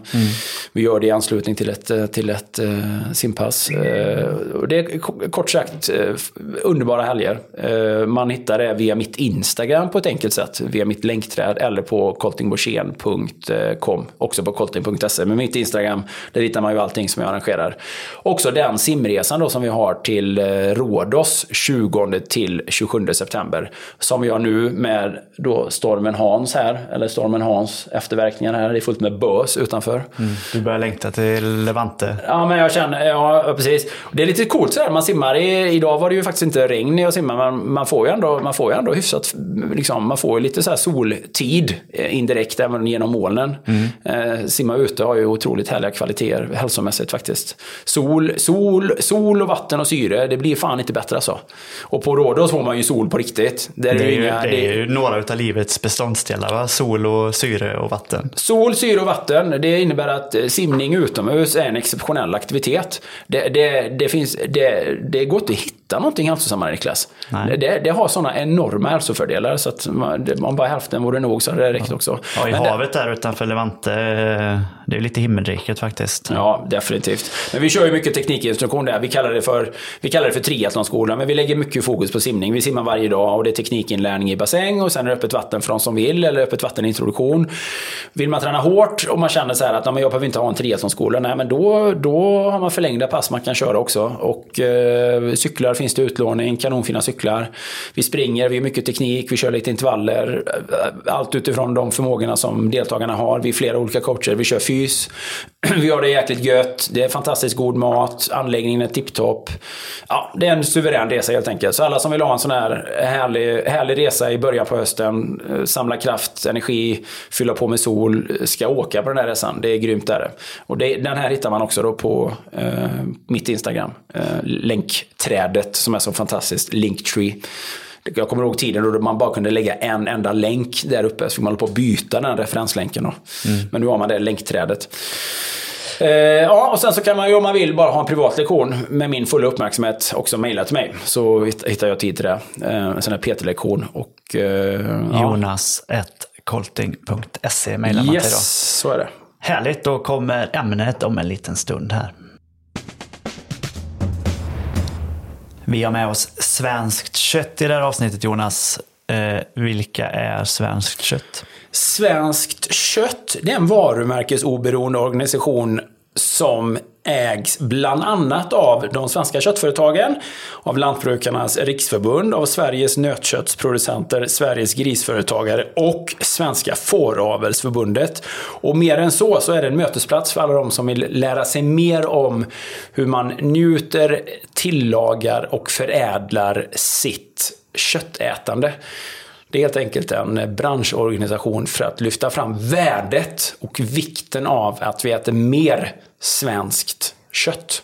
Där ser man. Men eh, vilka är då egentligen argumenten för att man ska äta svenskt kött? Det finns väldigt många bra argument kring det. Alltså, vi, har ju, vi pratar ju oss varma kring att äta kött överhuvudtaget. Men varför man ska äta svenskt kött, det finns det många goda skäl till. Och ett av skälen till att man ska välja svenskt kött, det är att Sverige har perfekta förhållanden för att producera kött. Eh, med hur våran eh, natur ser ut. Eh, vi, eh, ja, vi har korta växtodlingssäsonger och väldigt långa vintrar. Och eh, djuren har historiskt varit vårt skafferi när man inte kunnat odla markerna. Och det fortsätter de att vara idag. Och mer? Ja, det stärker Sveriges försörjningstrygghet. Det är också en väldigt viktig del i sammanhanget. Vi kan prata om krisberedskap och försörjningstrygghet och eh, om inte svenska köttproducerande bönder är med i den ekvationen så är vi oerhört rökta. Det är en, en ryggrad i det samhällsbärande uppdrag som eh, så att säga många, många yrken, som många yrken innebär. Men vi ska inte glömma alla de här svenska bönderna som vi har, alla de svenska lantbrukarna och eh, det är yrken som ja, vad ska man säga, som vi i många fall tittar lite snett på idag. Eller till och med aktivt motarbetar, rent ideologiskt i alla fall. Eh, och det borde vara tvärtom. Svenska bönder och svenska lantbrukare är hjältar. Faktiskt, samhällsbärande hjältar. Och utan dem så hade vi varit, stått oss otroligt slätt i det långa loppet. Okej, så att vi har bra land för att odla kött och vi behöver det för vår självförsörjningsgrad.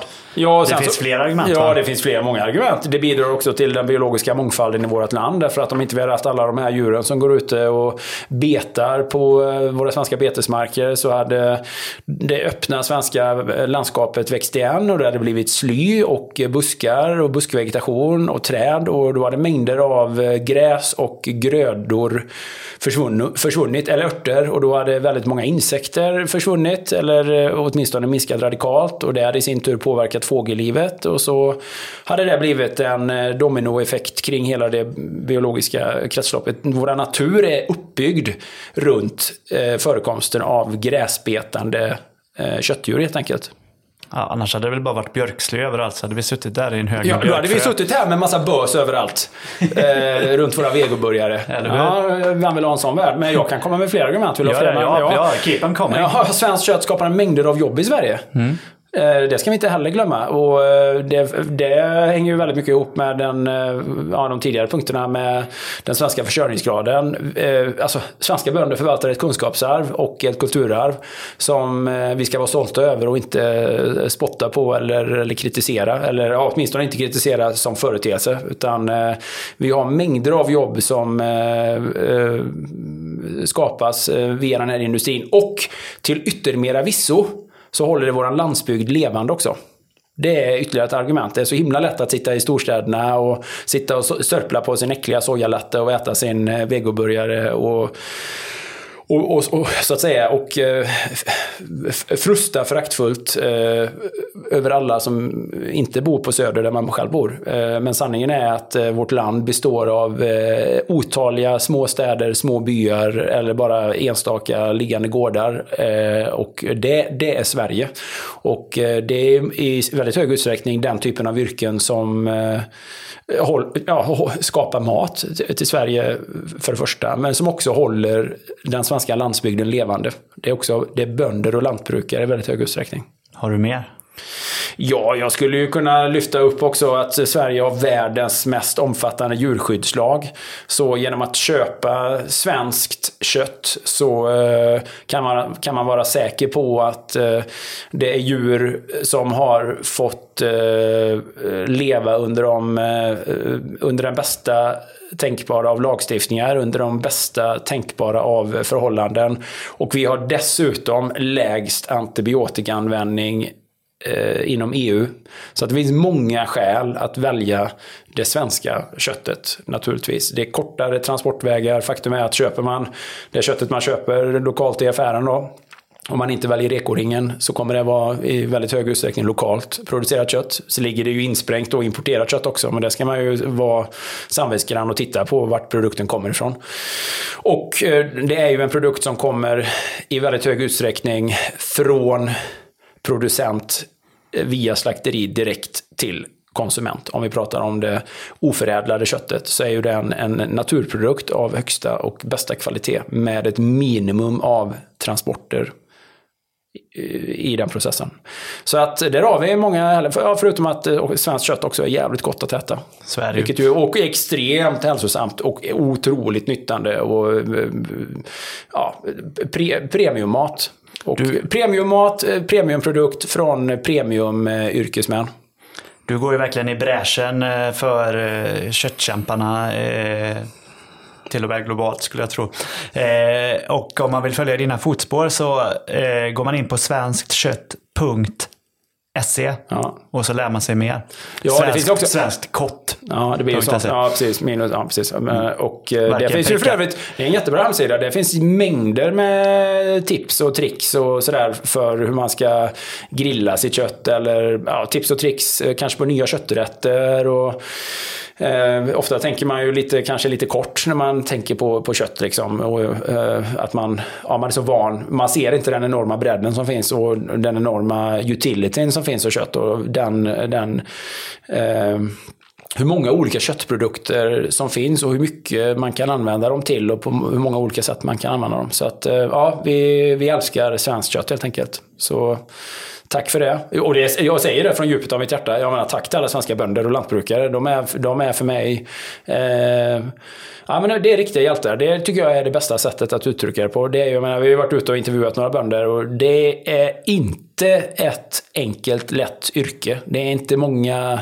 semesterveckor eller semesterdagar eller sådär. Det är passionsdrivet och det är ofta någonting som har gått i generation Eh, som har gått i arv generation efter generation. Så att eh, det finns någonting enormt värdefullt och eh, eh, beundransvärt faktiskt eh, runt det här. Och, och jag tycker de får för alldeles för lite positiv eh, reklam eller uppmärksamhet eh, massmedialt. Så, så att, eh, ja, vi älskar svenska köttbönder. Vi säger tack till alla svenska köttbönder och till svenskt kött. Quality sleep is essential for boosting energy, recovery, and well being. So, take your sleep to the next level with Sleep Number. With a Sleep Number smart bed, you can individualize your comfort level and enjoy a better sleep night after night. JD Power ranks Sleep Number number one in customer satisfaction with mattresses purchased in store. And now the Queen Sleep Number C4 smart bed is only $1,599, a saving of $300, only for a limited time. For JD Power 2023 award information, visit jdpower.com/awards. Only at Sleep Number stores or sleepnumber.com. Två saker kom till mig den här morgonen som eh, ledde fram till det här poddämnet kanske. Vi diskuterade lite, vi vill göra ett, ett positivt ämne igen ju. Eh, till att börja med så hade ju, kom ju min fru med input på vårt förra eh, avsnitt då. som vanligt. Eh, och Var, var hon helt okej med hur vi pratade kring barn? Hon nämnde inte det alls. Hon, Nej. eh, hon, eh, hon sprang långpass igår på söndagen då och eh, lyssnade på oss. Och hon pratade bara om den här löpdelen då, själva ämnet. Men hon- har garanterat lyssnat på hela. Det kanske kommer vid något annat tillfälle. Men det, det tror jag hon var okej med. Hon nämner ofta att hon tycker att det är bra när vi pratar om barn för att det, det är inte så mycket dimridåer. Det är mer ärlighet. Ja, men det är ju, ja absolut. Och den, eh, den transparensen tror jag, eh, hoppas jag ändå är lite befriande. Liksom att, eh, man ändå kan få erkänna både för sig själv och för andra de, ja, de oerhörda topparna som finns. Och de är väl är ju självklara och det är ju det man ofta liksom vill visa upp kanske. Men också de ganska djupa dalarna som är emellanåt. Ja, jag tror jättemånga känner igen sig i, i det. Och hur man slits emellan och framförallt vad det gör med ens egna beteende eller hur... ja, ja, men precis som vi pratade om det. Liksom. Precis. Att, eh, vad, det gör en till för person ibland. Liksom. När, det blir, när det blir till synes då lite övermäktigt i sammanhanget. Då, eller bara kaotiskt. Liksom. Det, det är ju liksom... Och det är ju, det är ju lite det som är grejen.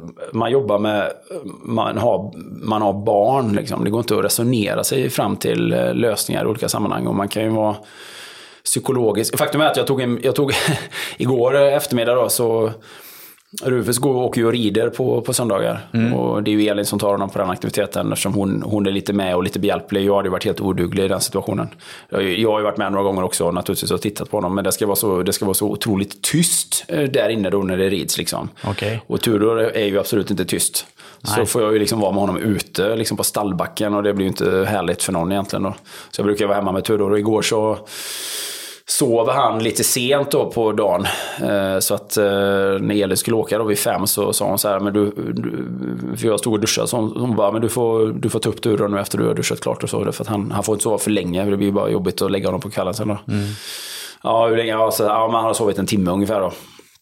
Jag bara, ah, okej, ja men det blir ju spännande då. Det är ju alltid så när man ska väcka, när man ska väcka ett sovande barn så. På, speciellt på eftermiddagen. Man vet ju själv hur man är när man sover eftermiddag. Man är ju helt förstörd när man går upp liksom. Om man sover för länge Ja. så är det ju helt kast. Då är det ju som att någon har hällt sirap i huvudet på en. Eller man har ett, man har ett kletigt tuggummi runt hela medvetandet. Liksom.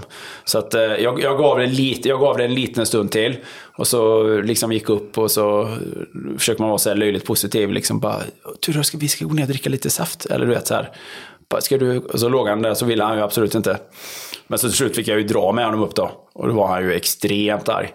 Så jag gjorde, och så fick ner honom då. Och så stod han ju bara och skrek. Du vet såhär. Så jag filmade faktiskt det här ute på Instagram. Typ såhär, väck inte den björn som sover. Och Elin bara, nej men det är taskigt. Ta bort det. Jag bara, ja det är lite dumt kanske då. Men just det här liksom att, och så lugnar han ner sig. Ja, till slut lugnar han ner sig och så här. Och man får, man får ställa frågor, man får försöka avleda. Tur du kanske fryser, ska pappa hämta en tröja åt dig? Han bara, ja. Men så han vill ändå fortsätta att skrika, för han var ju, han var ju vad ska man säga, han var ju liksom bitter. Han var ju väldigt missnöjd med att inte få sova vidare. Ja. Och så till slut då fick han, men vi satte oss på iPad. Så, så här, och han älskar att äta russin. Och så här, vill du ha lite russin Tudor? Bara, nej. Pappa har gjort lite saft till, vill du ha lite saft? Nej. Du vet, han var så här, så att han ville ju egentligen ha det. Men han skulle visa mig att han var inte så lättköpt. Så alltså, det var så jävla roligt. Han satt sig bara, nej. Nej. Men är pappa dum Tudor? Ja. Och så, och så tog det fem minuter till och så bara, vill du ha russin nu? Och sen så gick det bra då. Du, ska vi gå ner och hjälpa pappa? Vi ska hjälpa pappa i tvättstugan. Och du vet, hänga tvätt och sånt där. Och då blir han ju jätteglad då när han får göra någonting och trycka på knappar. Och, Ja, du vet, ta, du, nu ska du ta ut allting där inne och så lägger vi det där. Ja, då blir han ju jätteglad liksom. Lägger vi det där där och så ger du till pappa och så trycker vi på den knappen. Oj, oj, oj, hör du? Och du vet så här. Så då gick det ju bra. Men just det här, det går ju inte, det går inte att resonera sig till så här. Tudor, du vet pappa väckte dig nu för du kommer inte kunna sova ikväll annars. Så här att han förstår att, ja nej men det är ju rimligt. Ja, ja, ja, du har rätt pappa. Ja, ja du har rätt pappa. Ja, ja, precis. Utan det är ju verkligen bara så här. Han har sitt temper tantrum och det får ju bara tiden löpa ut liksom. Och då får man ju vara... eh, Ja, man får ju hantera det bara liksom och slå, eh, ja, slå dövörat till. Men man får ju använda lite, lite psykologi. Men det, men det är klart, det finns ju en gräns där. Det blir för mycket av det och två barn och ja, men alltså, det finns ju skalor av liksom där när man liksom känner att man själv inte pallar med. Och det var väl det hela diskussionen gick ut på tror jag. Liksom. Där man känner liksom att det, det blir väldigt påfrestande ibland. Liksom. Eller hur? Emellanåt då. Ja, men det ju, nej, men det, det Sara eh, tog med sig det var ju löpdelen helt enkelt. Eh, Hon gillar ju att springa och springa långt och så. Och hon älskar ju den här sista punkten som är med det obekväma då. Så sa hon det att eh, ni borde ju göra ni borde ju bara göra ämnet delayed gratification. För det tycker hon är intressant. Liksom. Och så eh, nämnde hon det att hon vid något tillfälle i, eh, ett utvecklingssamtal på jobbet eller ett lönesamtal eller liknande så hade hon fått frågan från sin chef så här, hur hanterar du när det blir tråkigt på jobbet? Och hon är, jobbar ju som väg och vatteningenjör. Så det blir ju tråkigt på jobbet, typ hela tiden gissar jag. Och då hade hon svarat eh, bara att, eh, för hon har ju alltid hållit på att springa långt och så. Eller inte alltid, men under lång period. Så hon sa det, jag springer ju maraton som fritidssysselsättning. Jag har inget problem att det blir tråkigt. Nej. Eh, Och och och det, man pratar om långdistanslöpare och sånt, eh, alltså så här ultralöpare. Tror jag det, det har gjorts undersökningar då på att de är, de är extremt bra på det. Delayed gratification, att belöningen kommer senare. Och det är väl ofta de som har de här yrkena också, där, som är i ärlighetens namn svintråkiga. Så är det ju säkert och det är ju en term som eh, är ganska etablerad i sammanhanget. Den första som jag hörde tala om det faktiskt är ju Sveriges mest berömde ultralöpare någonsin, eh, Rune Larsson. Som jag, i, i, alla fall i det här sammanhanget då, som har också talat om det väldigt länge. Och hela, jag tycker det är intressant med hur den frågan ställdes till Sara då. Hur gör du när det blir tråkigt på jobbet? För att det här tråkighet, när någonting är tråkigt, det är ju så relativt till vad man jämför med. Det är ju en sån, det är en sån skala, en sån, det är ju en sån gråskala av, av olika färger eller olika styrkor i, i tråkighet. Liksom. Men det sitter ju egentligen och det är ju alltid betraktarens eh, egna upplevelse, egna ögon. När blir det tråkigt och på vilket sätt är det tråkigt? Och det har ju nästan alltid med den egna inställningen att göra. Eller någonstans med eller hur man uppfattar tid. Eller hur man eh, liksom... Eh,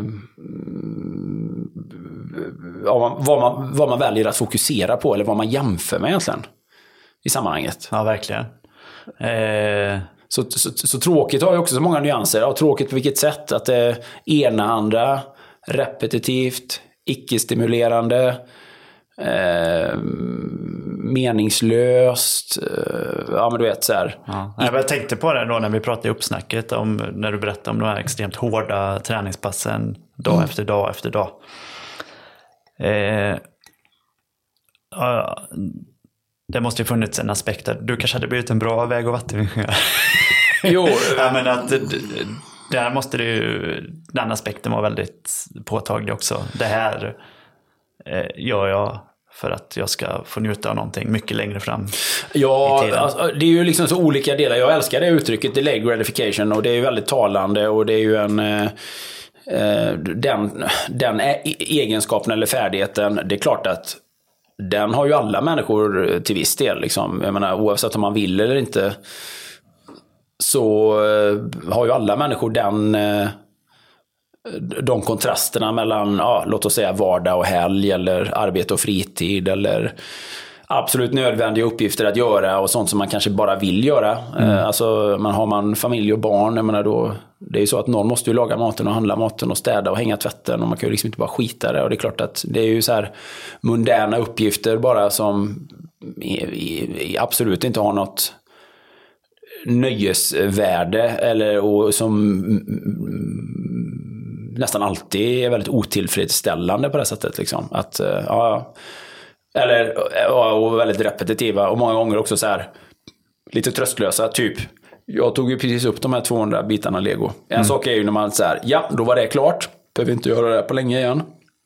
Typ man har städat ett kök så att det så att det är skinande rent. Då är det ju liksom så här, ja det var det. Var det. Det, liksom, det, det, kommer, det kommer ta lång tid innan det är så smutsigt igen. Liksom. Ja, innan det är så smutsigt igen. Men köket behöver ju i ärlighetens namn städas ganska ofta. Jo, man jo, jo men på den här grundläggande. Men alltså, Ja, du förstår, det- men, ja, när, man ja. kan, när man kan bocka av det och säga så här, fan det är helt perfekt nu. Mm, ja, det är klart. Men Men det finns en sån, eh, vi brukar säga, Sara och jag till varandra hemma, för att, eh, en sån rolig meme. Det finns bara, eh, there's only three constants in, in life. Det, eh, ja, att du dör, skatt och the kitchen needs cleaning again. och det är så jäkla sant. Men jag hörde en annan grej i morse också som jag tycker eh, går in i det här ämnet. Som jag också tycker är intressant i förhållande till det vi pratade om i uppsnacket. Då. Och det var ett klipp på Instagram med eh, Hu- Huberman, hette han va? Andrew Huberman, Andrew ja. Huberman. Ehm, Eh, vad är han egentligen? Han är någon slags eh, Han är, forskare. ju, han är ju neuroscientist på eh, professor på Stanford. Så han är, ja. Ja, han har en egen podcast och så här. Eh, men det var då en undersökning de hade gjort på barn eh, som hade fått ett antal uppgifter att göra. Och efter de hade gjort uppgifterna så delade de upp dem i två grupper. Då. Och den ena gruppen fick eh, beröm, eh, så här, eh, intelligence praise kallar han det för. Liksom. Ja. Vad duktig du var, det här gjorde du, eh, ja, eh, gud, eh, gud vad bra. Liksom den typen av... En förstärkning, positiv förstärkning. Ja. Och den andra gruppen fick eh, effort praise då, att eh, bra insats, du kämpade verkligen på. Eh, Du gjorde det ditt bästa. gjorde du ditt bästa. Eh, jag är imponerad av eh, din insats här, hur, hur du kämpade på ända in eh, till Ut, slutet. att bedöma slutresultatet. Ja. Ja. Och sen eh, tog man de här två- grupperna så fick de nya uppgifter att göra. Och så tittade de på, då på hur de presterade, eller så här, performance då i uppgifterna. Och den första gruppen eh, presterade betydligt sämre då. De som hade fått eh, den här, eh, ja, Prestationsbaserade Ja. berömmet. Ja, men så, nej men att, ja, hur utfallet hade varit. Ehm, ja, gud vad intelligent du är, eller smart eller bra gjort, eller bra resultat och så. Ja. Och den andra gruppen eh, presterade mycket bättre då. Och så sa han det att eh, det är viktigt att- det, att det var ett otroligt resultat då, att eh, om man är förälder eller lärare så är det någonting man ska ta med sig. Men framförallt då när man pratar med sig själv, att om man vill ha eh, ja, bättre performance, då ska man ge sig själv den typen av eh, beröm. Och det tycker jag är intressant om man ser till hur du tränade. Jag vet inte hur du tänkte på dig själv då. Tänkte du så här, eh, nu har jag verkligen gjort insatsen idag, liksom. vilken typ av... Ja, nej, men det var nog det senare faktiskt. Eh, Mitt själv... Och det är intressant faktiskt. Att, för att det skiljer sig. Jag kan, jag kan relatera till det Niklas. Ja. Typ att det man då tänker så här. Eh, ja men så här, det var eh, mer, mer fokus liksom på tiderna då. Det här var bra tider idag. Det var tider som, eh, det här, tiderna här är väldigt, det är starka tider. Det ligger i nivå med de bästa eller någonting. Eh, den, den elitprestation jag stod för. Och det andra är ju mer så här, eh, ja, mer effort liksom. Fan vad jag, jag gav allt jag hade. Eller eh, jag, jag gjorde mitt absolut bästa. Eller jag, jag, jag, jag, jag klarade av den här o, Jag genomförde den här Jag dagen. genomförde det här. Ja, och det, det, kan ju, det kan ju ha varit ett, det kan ju varit ett bra pass också. Men fokuset var på min kämpainsats. Eller Ja. på min, mitt, min leverans. Liksom. Att jag klarade av ansträngningen. Mm. Obeaktat då om så här, ja, det gick fem sekunder fortare eller fem sekunder långsammare.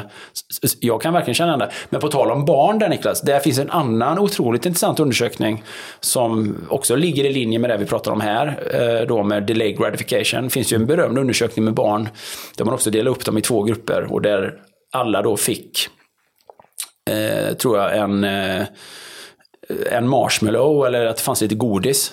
Ja, det, det heter nog till och med The Marshmallow Test. Ja, och då är det så här då att, okej, att eh, antingen kan du äta upp den här marshmallowen på en gång. Och det får du göra om du vill. Och då är det den du får.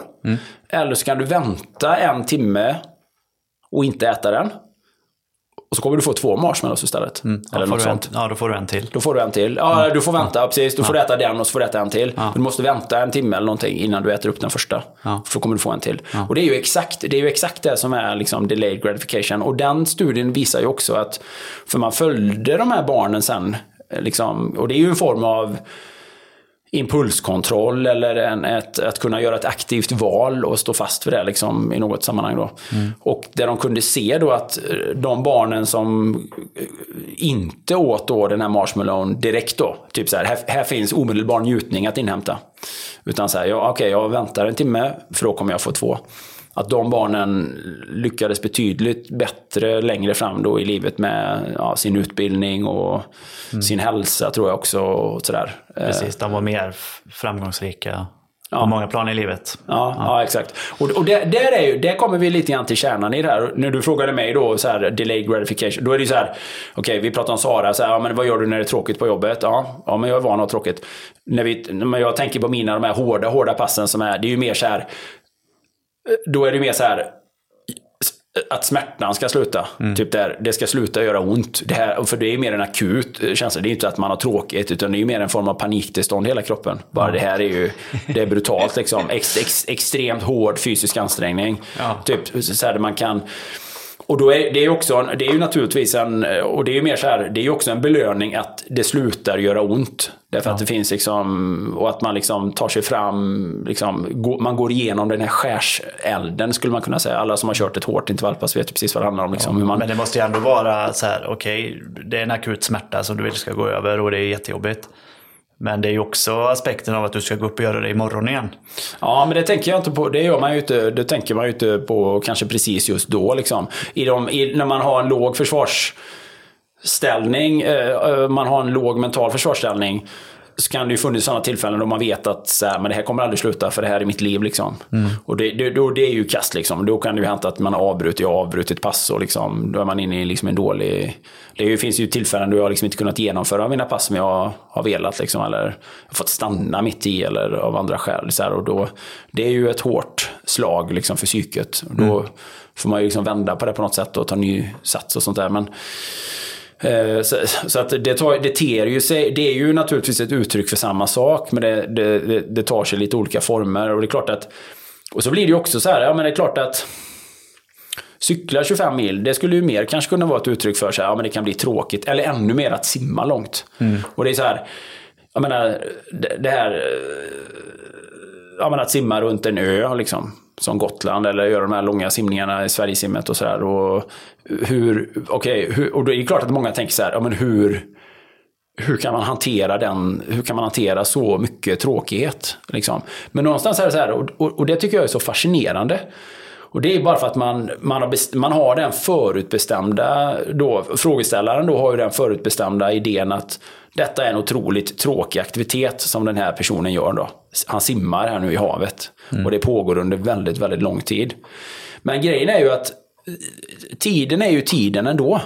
Så här, egentligen är det inte någon skillnad på så här, okej jag simmar, jag simmar fyra timmar här. Men du som ställer frågan gjorde ju också någonting under de fyra timmarna. Du gjorde ju någonting annat under de fyra timmarna. Vad är det som automatiskt säger att mi- mina fyra timmars simning är tråkigare än de fyra timmarna du upplevde? Eller vad är det som är, gör mina fyra timmar tråkigare än dina fyra timmar som satt i båten och styrde båten då exempelvis eller något annat. Liksom. Så här, tid är ju tid liksom. Hur klarar man av 16 timmars vakenhet en dag? Gud vad tråkigt. Skulle man kunna säga. Ja. liksom. Ja, vad ska denna vakenhet leda Vad fram ska all till den här vakenhet leda till? Eller liksom så här, hur hanterar man all den här vakenheten? Liksom? Att leva, typ så här, man tittar på klockan bara. Ja, det gick det en halv minut till. Ja, en halv minut till. Hur fan ska jag klara av det här? Annat, ja, men du vet, så här, man, det, det, det, det är så... Det, det ligger ju helt... Jag vet inte, jag, det är svårt att hitta formuleringarna kring det. Liksom, men det är ju...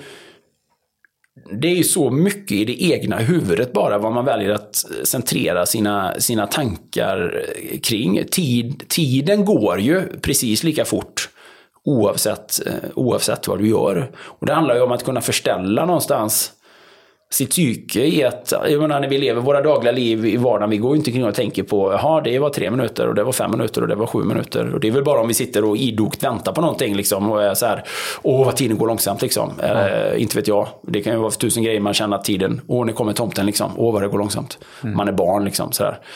Men ofta så reflekterar vi ju inte ens över det. Nej, och det är ju samma så här, jag försöker förklara det, simning är ju ett bra exempel generellt, så här, att simma i bassäng.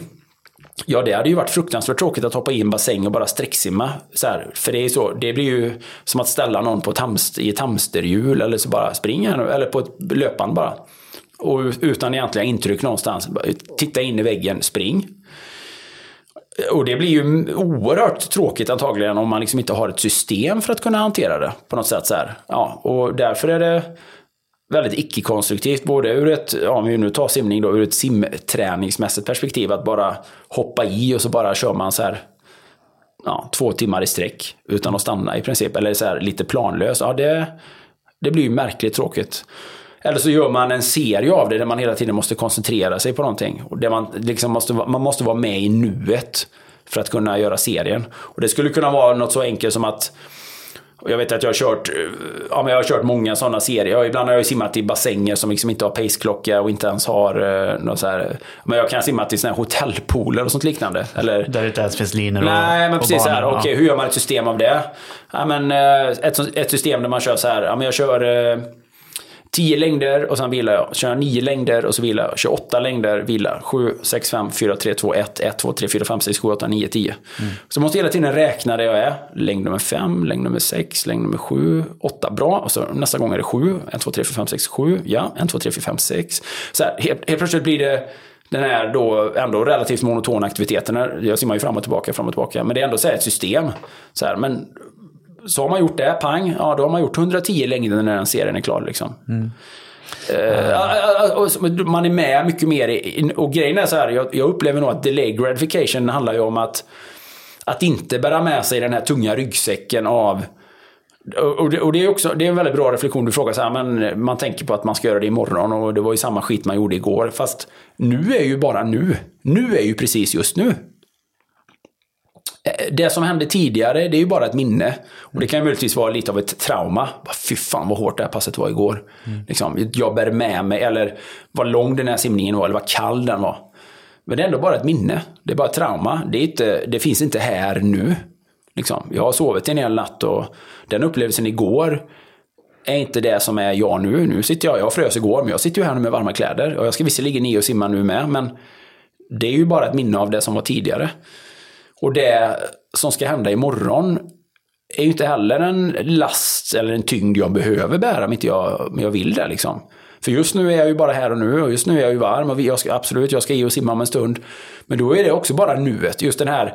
Och det där tror jag är en, en förmåga att kunna liksom kasta av sig den här ryggsäcken av dels gamla trauman då, eller minne. Åh, det här var jag, jag gjorde detta innan. Åh, det var tråkigt och det var tungt och jag minns och kallt. Och, och också oro då över framtiden.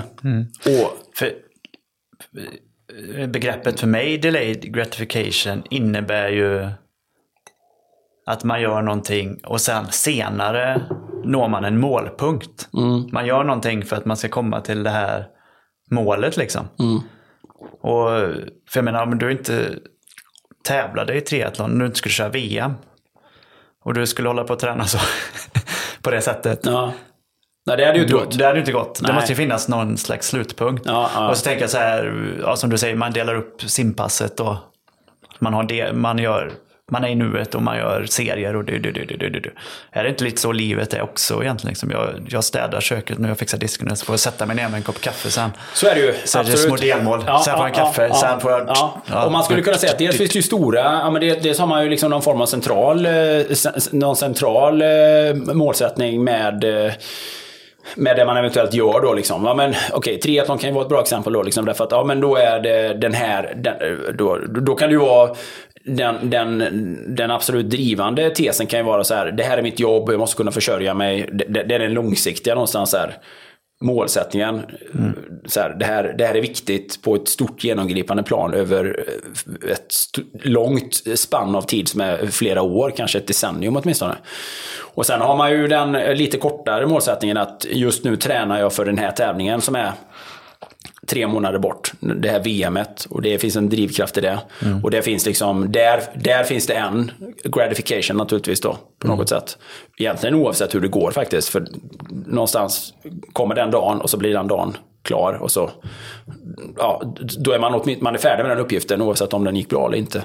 Och sen har man ju det väldigt korta perspektivet. Relativt korta perspektivet. Och det är ju typ den här träningsdagen eller åtminstone det här passet. Liksom. Och då finns ju det en belöning i det. Att få bara vara klar liksom. Vad det nu innebär. Man får ta en dusch, man får ta någonting att äta och dricka och man är färdig och man får bocka av det. Och, det är ju det. och sen har man ju det kortkorta perspektivet och det är ju så här.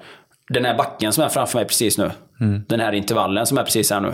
Den här eh, de här 10 sekunderna som ligger närmast, liksom, som är jättehårda. Den här, de sista 15 meterna av den här fjärilsfemtian. Liksom. Eller nästa steg.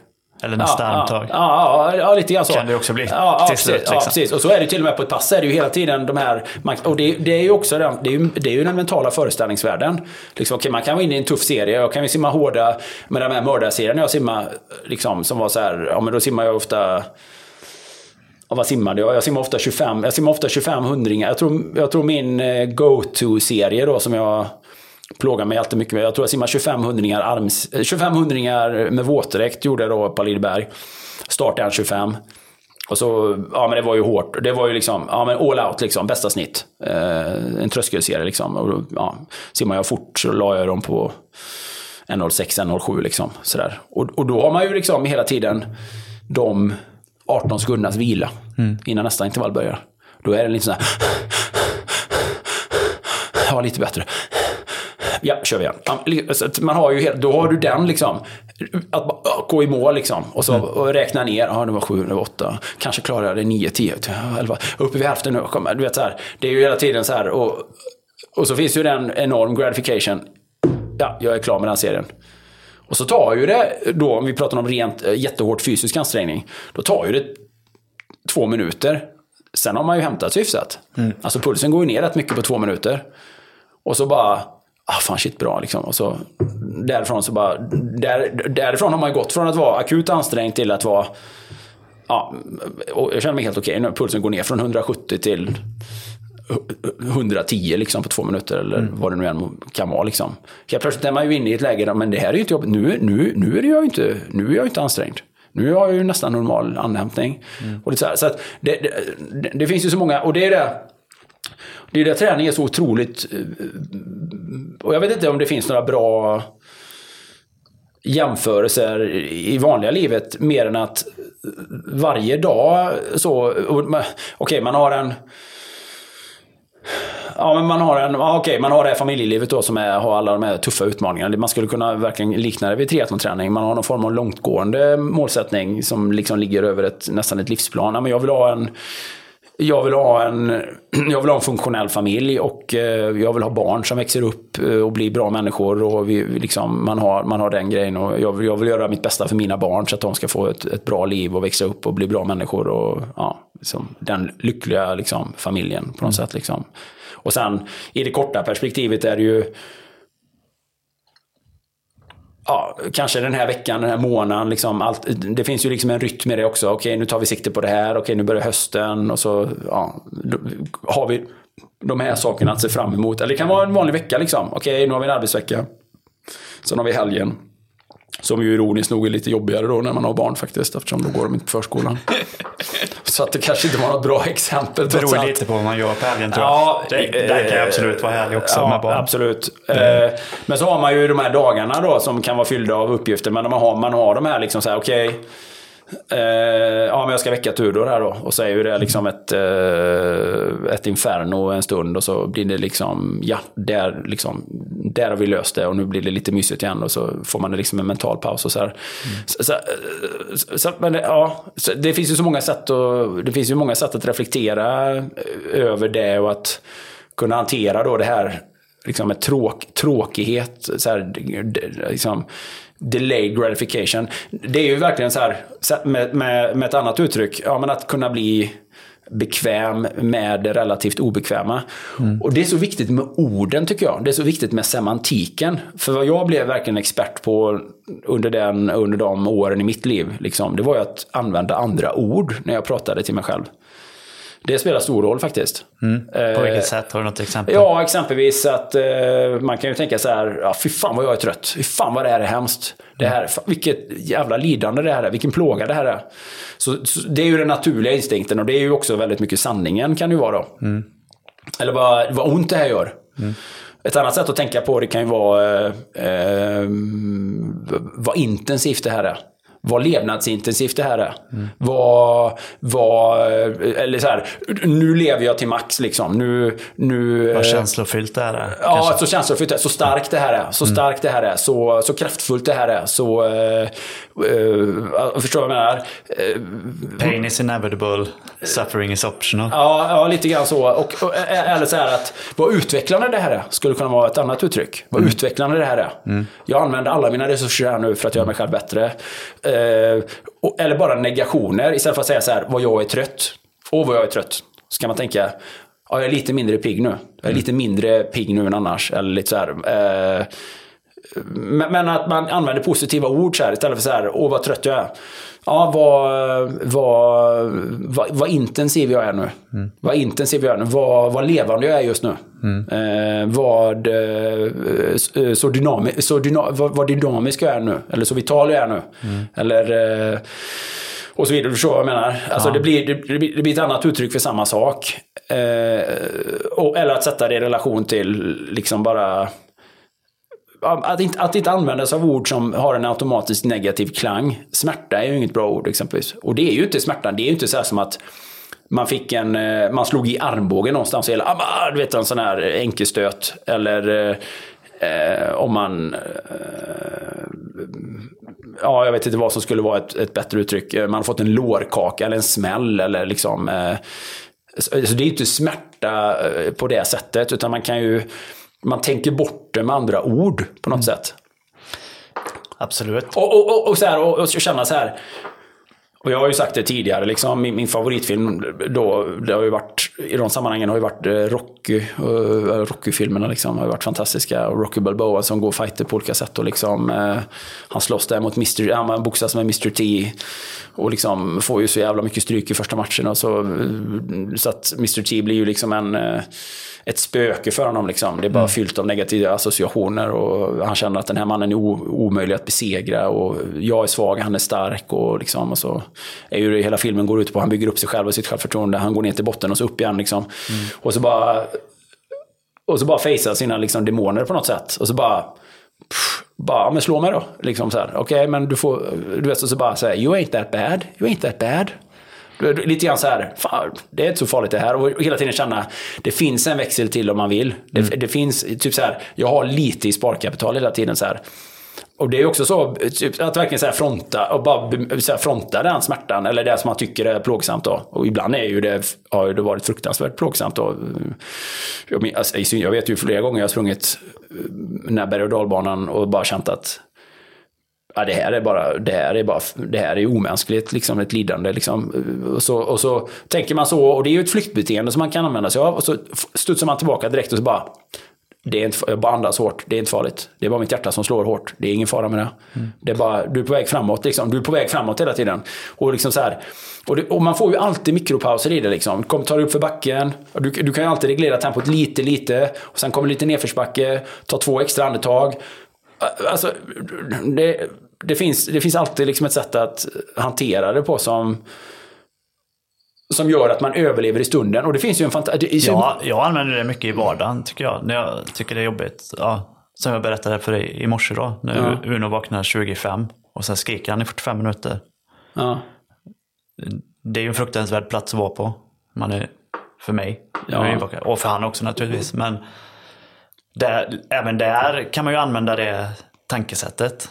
Att eh, ja, nu tar vi oss igenom den här morgonen tillsammans. Vi kommer lära oss någonting, eller i alla fall jag, om mig själv och om Uno. Mm. Och kommer bli starkare och jag kommer utvecklas. Och, eh, ganska ofta i sådana situationer kan jag använda det här också. Att, vända, att använda andra ord och tänka på det på ett annat sätt för att eh, liksom lugna ner mina egna känslor kring situationen. Mm. Jag tycker att det funkar väldigt bra eh, i vardagen. Och jag jobbar grejerna i vardagen också. Liksom. Och jag tycker, jag, något annat där också Niklas, tycker jag, i, de, i det som du beskriver nu med barn och så. Att det finns ju en styrka i självuppoffringen också. Att man vet att det här gör jag eh, för min fru som får sova. Det gör jag för min son som har vaknat nu, behöver ha en förälder här på plats. Det här gör jag för någon annan än mig själv. Och det finns ju en oerhörd styrka i det att liksom, eh, liksom to tap into liksom, den, att, att, att eh, ösa från den källan någonstans. Mm. Och det kan jag uppleva väldigt mycket. Och det är klart att det, fin det finns ju något väldigt stoiskt i det. Och jag, jag, jag tror att man, om man bejakar det, liksom att ja, men min roll är att eh, så här, eh, min uppgift i livet som pappa eller förälder och som familjefar, det är ju att to serve others, att serva andra. Och det finns ju många som ger uttryck för det på många sätt genom olika filosofier i många olika sammanhang. Liksom det är att, att ge mycket mer än vad man tar själv har en enorm belöning. Och det är väl verkligen liksom essensen av delayed gratification. Att det, att, men att det finns, en, det finns en omedelbar belöning i det. Liksom. Att vara den som är, jag säger, ja men jag tar det. Eller ja men jag gör det och löser det. Liksom. Därför att Ja, verkligheten är ju att annars får ju någon annan göra det, eller så blir det ogjort. Och då blir ju konsekvensen att det blir ju bara jobbigare längre fram på något sätt. Liksom. Att bara börja skita i saker eh, har ju en kostnad också, liksom. en alternativ ko- kostnad. Men det är, det är en otydlig delayed gratification. Ja, det är det. det, är det. Eh, jag tror, för när jag och Sara pratade om det då, det här med att det är bra att det är obekvämt. Och eh, du säger ju att- eh, alltid att vara bekväm med det obekväma. Eh, och att det finns en tillfredsställelse på slutet liksom. Om man säger att man springer ett ultralopp då. Och du inte är någon elit eller någonting. Du gör det bara för att du vill klara av det. Och det är en lång väg att komma till, fram till loppet och sen är det en jävla lång väg att springa 100 miles eller 9 mil eller vad man nu ska springa liksom. Och sen går man i mål och det du känner är ju kanske inte här, det är inte kul och du kanske inte är lycklig men du är tillfredsställd. Liksom. Absolut. Och lättad. Ja. Det ska man komma ihåg. eh, Att, att många gånger i de här loppen jag har gjort och alla, alla, alla sjuka prestationer hit och dit. Så det är ju inte alltid så här, det är inte så här kanske alltid ren och pur glädje. Men det är väldigt mycket lättnad också. Det är väldigt mycket så här, tapp, slä- släppa garden och liksom, och någonstans är ju det att man, oavsett prestations, prestationen då, men att man inte gav upp. Att man inte gav sig eller bröt ihop eller eh, liksom, dukade under av den mentala utmattningen i sammanhanget. Eh, runt, om, runt om delarna som, som, eh, som finns i sammanhanget. Men, men sen är det sen är det ju så här Niklas också. En annan väldigt intressant del i detta, det är också insikten och vetskapen. Och det är, det är verkligen fördelen med att utsätta sig för en del självvald obekvämlighet. Det är insikten att det inte alltid behöver bli värre och värre och värre. Därför att om man bara hänger i så kan det också bli lite grann bättre. Okej, jag är trött nu, jag är sjukt ansträngd. Det betyder inte, eller det är, det är bara, allting är jobbigt. Det betyder inte per automatik att det bara kommer att bli sämre och sämre eller värre och värre. För det är ingenting som dikterar att det per automatik måste bli så. Typ så här. Ett av de bästa citaten jag fick med mig tidigt i mitt liv var ifrån en triathlonbok som jag läste, Scott Hindleys eh, Winning Triathlon eller någonting, 1985 skrevs den någonting, där han eh, citerar en, en av de tidigaste triatleterna, Tom Warren, som vann eh, den andra Ironman-tävlingen 1979. Mm eh, som sa så här, eh, typ, han, ja men jag parafraserar lite så här, men typ om du är trött, varför tror du per automatik att det ska kännas bättre om du saktar ner? Det kanske might as well feel better if you just speed up. Liksom. Mm. Och, det kan, liksom och, och, och så är det ju i alla de här träningspassen som har varit brutala och hemska. Liksom, dels är man ju hela tiden på väg framåt. Så finns ju liksom en mental lättnad. Ofta är det ju psyket som tar ner en så här. Om man har, kör de här 25 hundringarna i bassäng. Man är på fjärde och det gör ont. Man bara, fy fan. Men så kommer du till nummer 14. Och, så redan, och redan där har du liksom gjort mer än hälften. Så helt plötsligt börjar det lätta det mentala trycket. Liksom. Och sen kanske du kommer in i arbetet. Du, allting, du blir mer väloljad. Liksom. Cirkulationen är igång, du är inne i arbetet. Liksom, du har ett jävla flow. Du tar smärta, du tar den ob- obehaget, då, om vi kallar det för det, eller ansträngningen. Liksom. Du tar det på ett bättre sätt. Och, och så kommer du mot slutet där och, och du är jätteansträngd men man kan vara stark liksom. Och så är det ju på alla de här loppen, man har ju enorma svackor ibland. Simmar runt någonting, är fruktansvärt efter en timme. Sen efter tre timmar, man bara kört på. Tre timmar, efter tre timmar in så är man stark. Du är ansträngd men du är stark helt plötsligt. Både mentalt och fysiskt och det känns bra. Så, så, att, och då- så är det ju också så här att den här Nej, det här klarar jag aldrig av. För det är ju fruktansvärt jobbigt nu. Eller tråkigt. Så att hur ska det vara om en kvart? Lika bra jag slutar nu. Nej, men om en kvart så kanske det känns mycket, mycket bättre. Mm, verkligen. Även om belastningen är likadan då. I sammanhanget. Så där finns ju, där, där, där finns ju liksom någonting i det här att... Och det har ju många studier visat sig. Man tittar på... eh, Man tittar på eh, om vi tar ett, världs, tar ett världsrekord på när de springer 10 000 meter. Det är ett väldigt bra exempel. Och, man, och de, de springer ju absolut allt vad de kan. Liksom. Och man, man ser liksom så här att någonstans kilometer 7, 8 och 9. Det är typiskt då de kilometerna där- kilometerfarten går ner. Liksom, att det går lite långsammare. Men man tänker så här att om de är på absolut, de är, det är en absolut världsprestation. Det här är fortare än vad någon annan människa har sprungit på 10 000 meter. Och det är liksom, den, det logiska borde vara så här att, ja, och prestationen kommer att gå ner lite grann ända till i mål. Men i alla de här världsrekordloppen så är ändå den sista kilometern alltid den snabbaste. Så att någonstans, trots att man gör en, en absolut maxprestation som är Ab, ab, ab, liksom, det finns ju liksom ingen holding back i det på något sätt. Man, så man ska, det, det är OS liksom. Eller ja, ännu bättre, man ska försöka slå ett rekord liksom. Man springer fortare än vad någon annan har gjort. Och så är det inte så att man lökar där vid kilometer 7, 8, 9. Nej. Så här, men man är ju, det är klart att det är en extremt hård ansträngning. Det går på max, det är ju på max från första, liksom, det är 62 runder per varv liksom, eller något liknande. Ändå går sista kilometern fortare. Och sista varvet går svinfort. För man har legat på 62 varv och ofta så går ju sista varvet på 53 eller någonting. Så, så ändå liksom så finns den mobiliseringen att hämta. Och det är också en viktig insikt att så här, många gånger tänker vi så här att ja, men här är det, en, det, är, det är ett, ja, ett obönhörligt, så att säga, inte förfall, men en obönhörlig, liksom, det sviktar liksom här nu. Ändå finns det liksom en comeback i det att hämta. Liksom, någonstans. Och, det är, det är och det har ju med psyket att göra såklart. Hade, jag menar, hade... Eh, Ja, jag vet inte hur man ska uttrycka det liksom. Men, men, men, eh, och det är klart, det är för att man, har, man vet, okej nu är det sista kilometern, nu är det sista, fem, nu är det sista varvet. Där är målet liksom. Det är någon form av positiv förstärkning. Det är också det här delayed gratification i någon form, i, så här, i essensen av det här på något sätt. Eh, Men det, jag skulle vilja, säga- det finns en bok som heter The Comfort Crisis. Som jag lyssnade på ett poddavsnitt om med den här eh, författaren som gjorde den bok, som har skrivit den boken. Då. Han heter eh, Ehm, ska vi se vad han heter. Han heter Michael Easter som har skrivit den då, The Comfort Crisis. Och hur vårt samhälle lider av den här bekvämlighetskrisen. Därför att vi, vi har så mycket som kan distrahera oss eller eh, underhålla oss. Vi, så, vi, så, vi är så oerhört dåliga på, som samhälle betraktat, eller i våran tid, att ha tråkigt. Vi är så otroligt tråk, vi är så, vi är så dåligt tränade, eller människor i allmänhet, på att hantera då eh, tråkighet eller eh, avsaknad av stimulans eller underhållning eller distraktion egentligen då. Och det är ju ett enormt problem.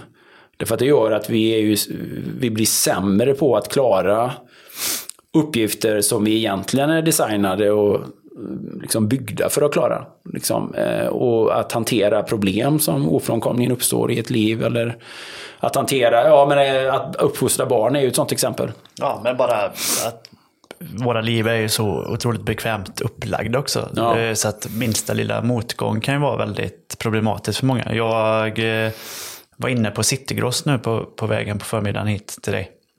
Och eh, i förbutiken där. Och eh, då eh, satt jag och väntade på min tur och då var det en kvinna som var framme och pratade med någon och så fick hon en telefonlur av personen i förbutiken. Och sen började hon prata med någon där i. Och då kom hon och satte sig på bänken jämte mig. Och då förstod jag att hon pratade med någon i butiken. Och då var hon så oerhört upprörd för att vågen vid smågodiset inte fungerade. Och eh, det hade varit så länge tydligen då. Hur kan den inte fungera liksom? Ska jag behöva gå till kassan? Jag ska köpa smågodis till mina barnbarn. Och då, det ska vara lika mycket i, i varje påse. Så får jag gå till kassan varje gång för att väga och kolla så att det blir lika mycket. Hur svårt kan det vara att ha en fungerande våg här liksom? Det blir ett sånt stort problem så att hon måste liksom involvera flera i personalen. Köp en banan istället, de väger ungefär lika mycket.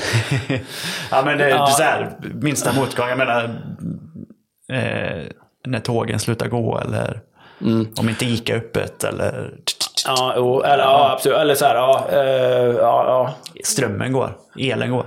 Ja, ja. ja nej, men det, det, det finns, eh, det finns eh, definitivt, ja, men- och framförallt där essensen av liksom så här, okej, vad, vad är det jag lever för? Eller vad går, vad, vad, liksom, vad går tillvaron ut på i sammanhanget? Och det har blivit, eller så här, vad, vad har man för liv? Vad, hur är ett lyckligt liv? Så. Eh, hur är ett lyckligt, eh, härligt liv? Och då har ju vi för lätt att tro idag att ett lyckligt liv är att få vara ledig. Att eh, ha, så att säga, mycket njutning. Att äta gott, att dricka gott, att ha underhållning, att shoppa köpa, konsumera, att eh, få bekräftelse, och kanske på sociala medier, eller det är liksom de här här, den här ständiga raden av eh, små återkommande kickar hela tiden. Hela tiden, hela tiden, hela tiden. Och det är klart att det är ju inte en... eh, Det känns väldigt långt ifrån liksom det mänskliga psykets eh, kärna på något sätt, att ha det på det sättet. Den mänskliga tillvaron är ju väldigt mer uppbyggd på strävan och eh, arbete och kanske till och med överlevnad faktiskt. Och att där fanns det en stor belöning att ja, men ha överlevt ännu en dag. Att ha säkrat trygghet till sina barn, att har samlat in mat så att man kan äta eller att eh, se till att eh, man håller sig varm eller att, man, eh, att det finns relativ trygghet, åtminstone just nu och så vidare. Eh, alltså lite mer om överlevnadsaspekterna och så, att, att samlas kring. Eh, det här njutning av det här överflödet är ju såklart härligt till, till viss del. Det finns väl ingen som skulle påstå något annat, allra minst jag. Jag gillar också det här. Men, men ta bara den här dagen då, en måndag, en fastedag. Det är klart att den tillfälliga njutningen av att äta tio goda grejer under dagen hade ju funnits där. Ja, men jag går upp på morgonen och så äter jag något som jag tycker är riktigt gott. Men vad ska det vara? Nej, men två polarbrödsmackor med Bregottost. Ja, fan vad gott det är. Blir nog en trea och en fyra också faktiskt, för de är så himla goda. Ä- Äter man två vill man ha två till, väcker aptiten. Och sen någon fika på det och sen någon till. Alltså man, man hugger de här, alla de här chanserna man har att när någonting gott erbjuds, och det ska gudarna veta att de finns ju överallt. Ja, ska jag åka och tanka, jag behöver tanka. Ja, köper en bulle. Ja, godis, fem spänn, tio spänn. Eller en glass. Eller, det, finns ju, det finns ju möjlighet till det hela tiden. Jag käkar lunch nu. Ja, finns efterrätt. Eller så här, ta, en, ta en cola. Alltså, de, de är ju oräkneliga de tillfällena. Ja, ja. Eller, eller bara så här. Ja, eh, alltså, eh, oavsett egentligen. Alltså, och så här, jag stoppar i mig det, stoppar i mig det, stoppar i mig det. Och det är klart att det är, ju, det är ju gott för stunden och det är ju en liten kick. Men det är ju förrädiskt kort och det bygger ju på att du får ta en till bit ganska snart. Alltså glädjen av att äta godis, det är ju inte liksom smaken av den här första. Utan det är ju att du får sitta och äta det här godiset. Du får väcka det här monstret i dig. Som vill ha en till och en till och en till och en till. Tills att liksom, ja, jag åt 67 bitar av det godiset. Så, och, och, och, så här, va? och sen efter det så, ja, men, och där är ju, där är ju, det är ju verkligen, det är ju the comfort crisis i, sitt, i, sitt, i sin essens. Verkligen. Eh, eller att så här, binge-titta, eller jag menar, det är ju bara att sätta på tvn liksom. Eller, alltså, det finns ju hur mycket som helst i underhållningsväg att titta på. Det finns ju, finns ju aldrig någon anledning att ha tråkigt på det sättet. Det kommer det alltid finnas Det tar ju någonting. aldrig slut. Nej, och så här, Nu åtminstone för någonting. tiden behöver du inte ens sätta på nästa avsnitt själv. Nej, det nej. rullar ju bara på tills Alltså, du du, behöver ju inte, du behöver ju inte ens aktivt välja det. Du kan ju låta dig bara distraheras liksom he, hela, hela tiden i det hela. I, I någon form av strävan eller längtan efter att inte ha tråkigt. För vad ska jag göra med mig själv och mina egna tankar då egentligen? Det verkar ju så här, vad... Ja, och så vidare och så vidare och så vidare. Så att, där är, ju, där är ju lite grann den här, där är ju the, the comfort crisis som, där det, vad det handlar om egentligen är ju att vi får väldigt dålig access till vår egen eh, potential. Där allting blir, det är, där den slutgiltiga, Där det slutgiltiga resultatet blir att vi blir viljelösa offer för tillfälliga impulser. Vi blir viljelösa offer för väldigt tillfällig njutning. Som kanske inte ens är njutning till slut. För när du har ätit tio söta, goda, raffinerade grejer på en dag. Då kommer inte den elfte grejen vara sådär särdeles god. Utan det blir mer som den elfte drinken som en alkoholist dricker. Liksom, för att tillfredsställa ett begär på något sätt. Men det är liksom inte, åh vad jag njuter av det här. Utan det är mer så här, jag behöver hålla ångesten på avstånd. Eller jag behöver hålla eh, det, det, den riktiga verkligheten liksom på avstånd. Jag, Här är en tröst, här är en tillfällig tröst. Och en ny tillfällig tröst. Och en ny tillfällig tröst. Och en ny tillfällig tröst. Eller en ny tillfällig spänning, inte vet jag. Och det är väl på samma sätt som folk blir liksom spelmissbrukare eller, eller liknande. Men det är, ju samma, det är ju samma grundläggande psykologi i sammanhanget, sk- skulle jag vilja säga, som, ja, men, som verkligen kan liksom fucka upp vårt eh, psyke eller vår, vår potential till ja, vad skulle man säga, potential, to, potential for greatness som vi har i, i, i olika saker. Liksom att kunna förstå att det finns en, det finns en poäng med, med eh, den eh, tillfälliga obekvämligheten. Som inte ens behöver vara. Och, och, och det, grejen är ju så här. Oftast är ju det tillfälligt obekväma inte ens, eh, det är ju inte ens speciellt obekvämt. För det är inte obekvämt att vara andfådd exempelvis. Det är ju liksom bara så här, tanken på det. Innan när man sitter varm och god i en soffa eller vad det nu än är.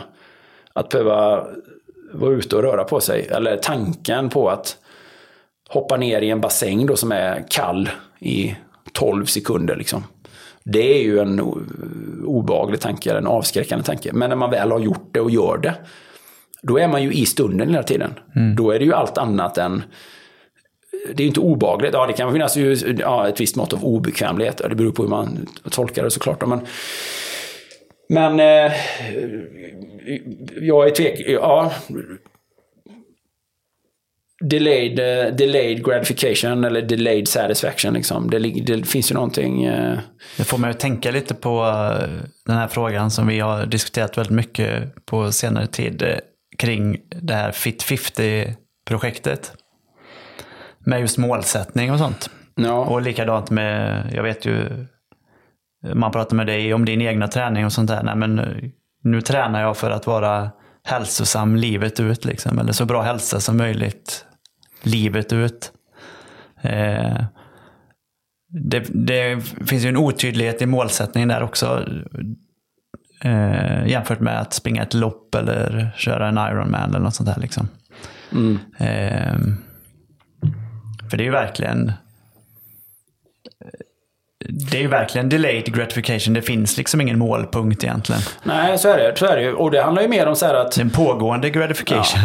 Jo, och så är det ju. Ja, precis. Och men, men det handlar ju mycket om att eh, förstå Liksom att, eh, ja men vi säger nu att, okej, okej, om man skulle titta på mitt liv med, eh, eller om man skulle titta, titta på det då utifrån med lite förutfattade meningar och enkelspåret och nyansbefriat så tycker man så här, vilket stoiskt, späkande liv det måste vara. Vad håller han på med liksom? Har han aldrig roligt? Eller man skulle kunna säga så här, okej, ja, ja. Eller varför gör han det? Ja, eller liksom vad, hur, hur kul kan det vara? Skulle kunna frågan skulle kunna vara. Men, men det är ju aldrig bara så hela tiden. Liksom. Det, li- alltså, livet har ju, och det är som jag sa tidigare, Ja, men den här fastedagen, den har ju också ett slut och en måltid i dagens slut. Och dagen har ju många blödningar. Men jag sätter mig ner med en kopp kaffe och sätter mig ner och ja, men efter löpningen ska jag träffa Niklas och prata med honom. Fan vad kul det blir liksom. Eller eh, jag får ta en dusch. Alltså, det handlar ju bara om vad man väljer att värdera liksom, i sammanhanget. Eh, och- jag sa det i förra, vårt förra avsnitt att många gånger, nästan alltid uppskattar man ju de här små... Ja men tänk bara så här. Här sitter vi, det är tråkigt väder ute, det är i och för sig sommar fortfarande, men jag menar det hade ju kunnat regna nu då. Här sitter vi påklädda och varma och sitter ner på en stol och har en kopp varmt kaffe framför oss. Och vad finns det med det som inte är härligt egentligen? Och, och att liksom verkligen värdera det, eller att, så här, att till och med att uppskatta det. Därför att det hade, det hade inte behövt att vara så. Det hade kunnat vara något annat. Det hade kunnat vara något som... Så här, så att, och, och, men man får ju aldrig vara gift. Alltså, så man, just det här att, att vara dogmat. Det, det handlar inte om... Ja, det handlar inte om att vara självbestraffande, allt långt ifrån. Eller inte alls. Det handlar inte om att, eh, miss, det handlar om att man missunnar sig saker heller. Det, det, det, det är inte det det handlar om. För, för att motsatsen till det vart att säga, okej, man ska vara en person som unnar sig då. Ja, okej, hur sätter man de gränserna? Vart är gränssättningen till det? Vad är det du ska unna dig? Och hur mycket? För det unnandet måste ju också ta slut till slut. Jag menar, någonstans... Ja, vad ska du göra? Ska du vara vaken på natten och unna dig? Eller vadå? Eller när, någonstans tar ju det här unnandet också slut. Så det är också bara en föreställningsvärld i sammanhanget. Eh, det- det är ju så här, ja, ja, men så ska han fasta en hel dag, gå och träna, simma 5000, springa i skogen, inte äta någonting efter det. Jaha, och sen när det blir middag, ja då är det kött bara. Ja, det är ju jättegott. Vad härligt att äta kött. Känner mig stark, vad gott, mm, jag njuter av det. När man kan äta någonting annat, absolut. Men hur gränssätter du det? Och vad ska du äta efter det? Och hur mår du efter det? Och liksom vad, vilken roll har det i den, liksom, beskriv hur den pusselbiten passar in då i det stora pusslet liksom. För vad gör det med, ja, vilka andra val gör du då i det sammanhanget liksom? Så, så att, Eh, det, det, det, man, man kan tänka ganska mycket kring de här grejerna faktiskt. I, och när jag tänker på det så landar jag väldigt mycket i att det har så oerhört mycket med perspektiv bara att göra. Och att sätta det i relation till något annat. Och att nuet är ju alltid nu. Jag menar, oavsett vad jag hade gjort innan, idag. Om jag hade gått upp då, skitit i att träna, tagit så, bara skitit i allt. Bara, Elin får ta barnen, jag går upp här och äter fyra mackor och så ja, gör något annat som jag bara tycker är gött. Liksom. Och så, jag hade ju ändå suttit här nu, vi ska spela in podd. Nu, är- nu är ju nu liksom. Eh, så, så just att man, man fattar den här tidsaspekten i det hela. Eh, Så man, man gör saker, man bockar av, man kommer vidare. Det, fin, det finns ju en belöning i alla svåra uppgifter som man hanterar. Och sen finns det liksom långt, någonting i långa loppet liksom, så i sammanhanget. Men det är ju, men, ja, det, och jag fattar så här, ja men det är en otydlig målsättning, så här, men jag vill vara Ja, men jag vill, jag, jag vill vara frisk och hälsosam och så här. Och det är klart att det är ju inte tydligt förrän du är motsatsen. Nej. Fan, jag fick diabetes typ 2. Eller, eh, fy fan, jag... Jag har misskött min hälsa nu så att jag har utvecklat en kronisk sjukdom eller ett, en kronisk eh, dysfunktion eller vad det nu än är. Eller jag, jag har låtit det här gå så långt att det nästan är oåterkalleligt. Och vad jag önskar att... Eller lite så här, tänk att få vara frisk. Eller t- tänk att ha en kropp som inte gör ont. Eller tänk, tänk att orka det här liksom. Och, och jag är så avundsjuk på alla de som kan vara ute och vara med sina barn. Eller, eller vad det kan vara, massa saker liksom. Ja, när man väl hamnar där så blir ju det det Då- enda viktiga. Liksom. Ja, helt plötsligt blir det ju alls inte diffust. Utan då blir det så här, ja, ja, det är lätt att ta det för givet vid en viss tidpunkt i livet. Men när man är och hamnat i motsatsen så blir det så här, ja men det vore fantastiskt fint att kunna undvika kronisk eh, ohälsa. Ja, kan ju definieras på många olika sätt. Ja, och det är klart att det kanske man inte riktigt ser om man inte har det först. Men att man inte så här, okej, men det här, men jag ska unna mig, unna mig, livet ska vara gött att leva och så här. Och det kan jag ju hålla med om. Det är klart man ska unna sig, men frågan är vad du unnar dig. Och vad är din definition av att unna sig? Vad är din, vad är din måttstock på det liksom? Är det liksom munnens högst tillfälliga njutning? Eller är det en mer, ett, ett mer, en mer permanent filosofi av att unna sig andra saker. Jag menar, jag äter ju också saker som jag bara tycker är goda ibland. Liksom. Så, ja, men det tror fan det. Jag är ju otroligt slarvig många gånger. Men kanske bara 10 procent. De andra 90 är på det här sättet. Liksom. Och då funkar den balansen. Liksom. Och, och då kan jag också känna så här att ja, alltså, det är så mycket perspektiv i det hela. Som är lite diffusa. Men, men att, att ha utvecklat lite tankar kring det här delayed gratification är nog jäkligt sunt. Och att se riskerna idag med bekvämligheten, illusionen av bekvämlighet som finns överallt. Typ, ju mer vila, ju mer ledighet, ju mer konsumtion, ju mer underhållning, ju mer eh, tillfälliga kickar, eh, ju mer ja, lyx kanske man kan säga, ju mer grejer. Det, det är nog en, det är nog en fattig, fattig väg att gå liksom i det långa loppet. Faktiskt så. Jag håller med dig. Ja, men det är, det är en väldigt intressant... eh, Det är, det är en, en väldigt intressant tes. Liksom. Och den, den, har ju, den äger ju en oerhört hög eh, relevans eh, idag i vår värld. upp- Upplever jag faktiskt. Så är det ju. Bra, en, bra, bra uppfångat tycker jag av eh, Sara. Eh, imorgon ska jag dra iväg till eh, Oslo. Eh, för en massa olika snabba kickar tror jag. Eh, kolla på Divo bland annat. Eh, Vi lyssnade på lite Divo här innan. Jag var lite oklar över, eh, över Divo. Jag har aldrig varit eh, något fan som. Men i mitt tycke lät de väldigt mycket som Talking Heads. Gamla gruppen, du vet med David Byrne som sångare. ja, jag vet jag vilka det är. Det lät väldigt mycket 80-tal över Divo. Ja, jag vet egentligen inte vad, vad det är. Jag är meddragen, men det kommer bli kul ändå. Men jag blev så inspirerad av vårt förra avsnitt, det här löpavsnittet. Eh, så att jag tänker ta med löpardojorna upp eh, till Oslo också. Och eh, det, så ses vi då nästa vecka när jag är tillbaka. Får vi se eh, om du fortfarande är lika glad i träningen då eller eh, vad som har hänt. Det är jag definitivt. Nu kan ju det här tränandet, det kan ju vara en, också en, en, en, grym, en grym älskarinna ibland. Så jag har ju fortfarande mina stunder då jag, då jag har ett, eh, något av ett eh, hat-kärleksperspektiv till det. Men, men i grund och botten tycker jag det... Ja, ibland är jag svag helt enkelt. Men eh, för det mesta är ju det fantastiskt härligt. Du är mänsklig menar du? Men det är härligt. I högsta grad mänsklig. det är bra. Väldigt mänsklig. Ha det trevligt här hemma i regnet så ses vi. Tack.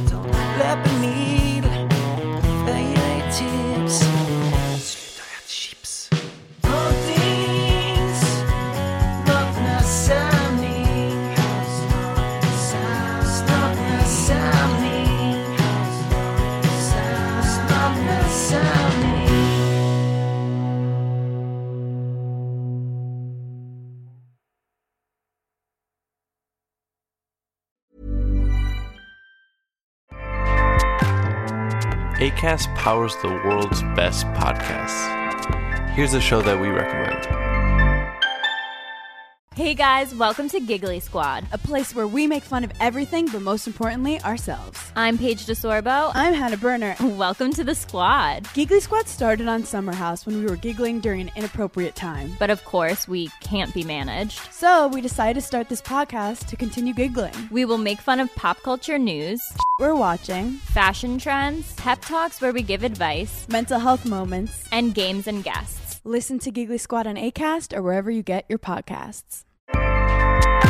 ACAST helps creators launch, grow, and monetize their podcasts everywhere. ACAST.com.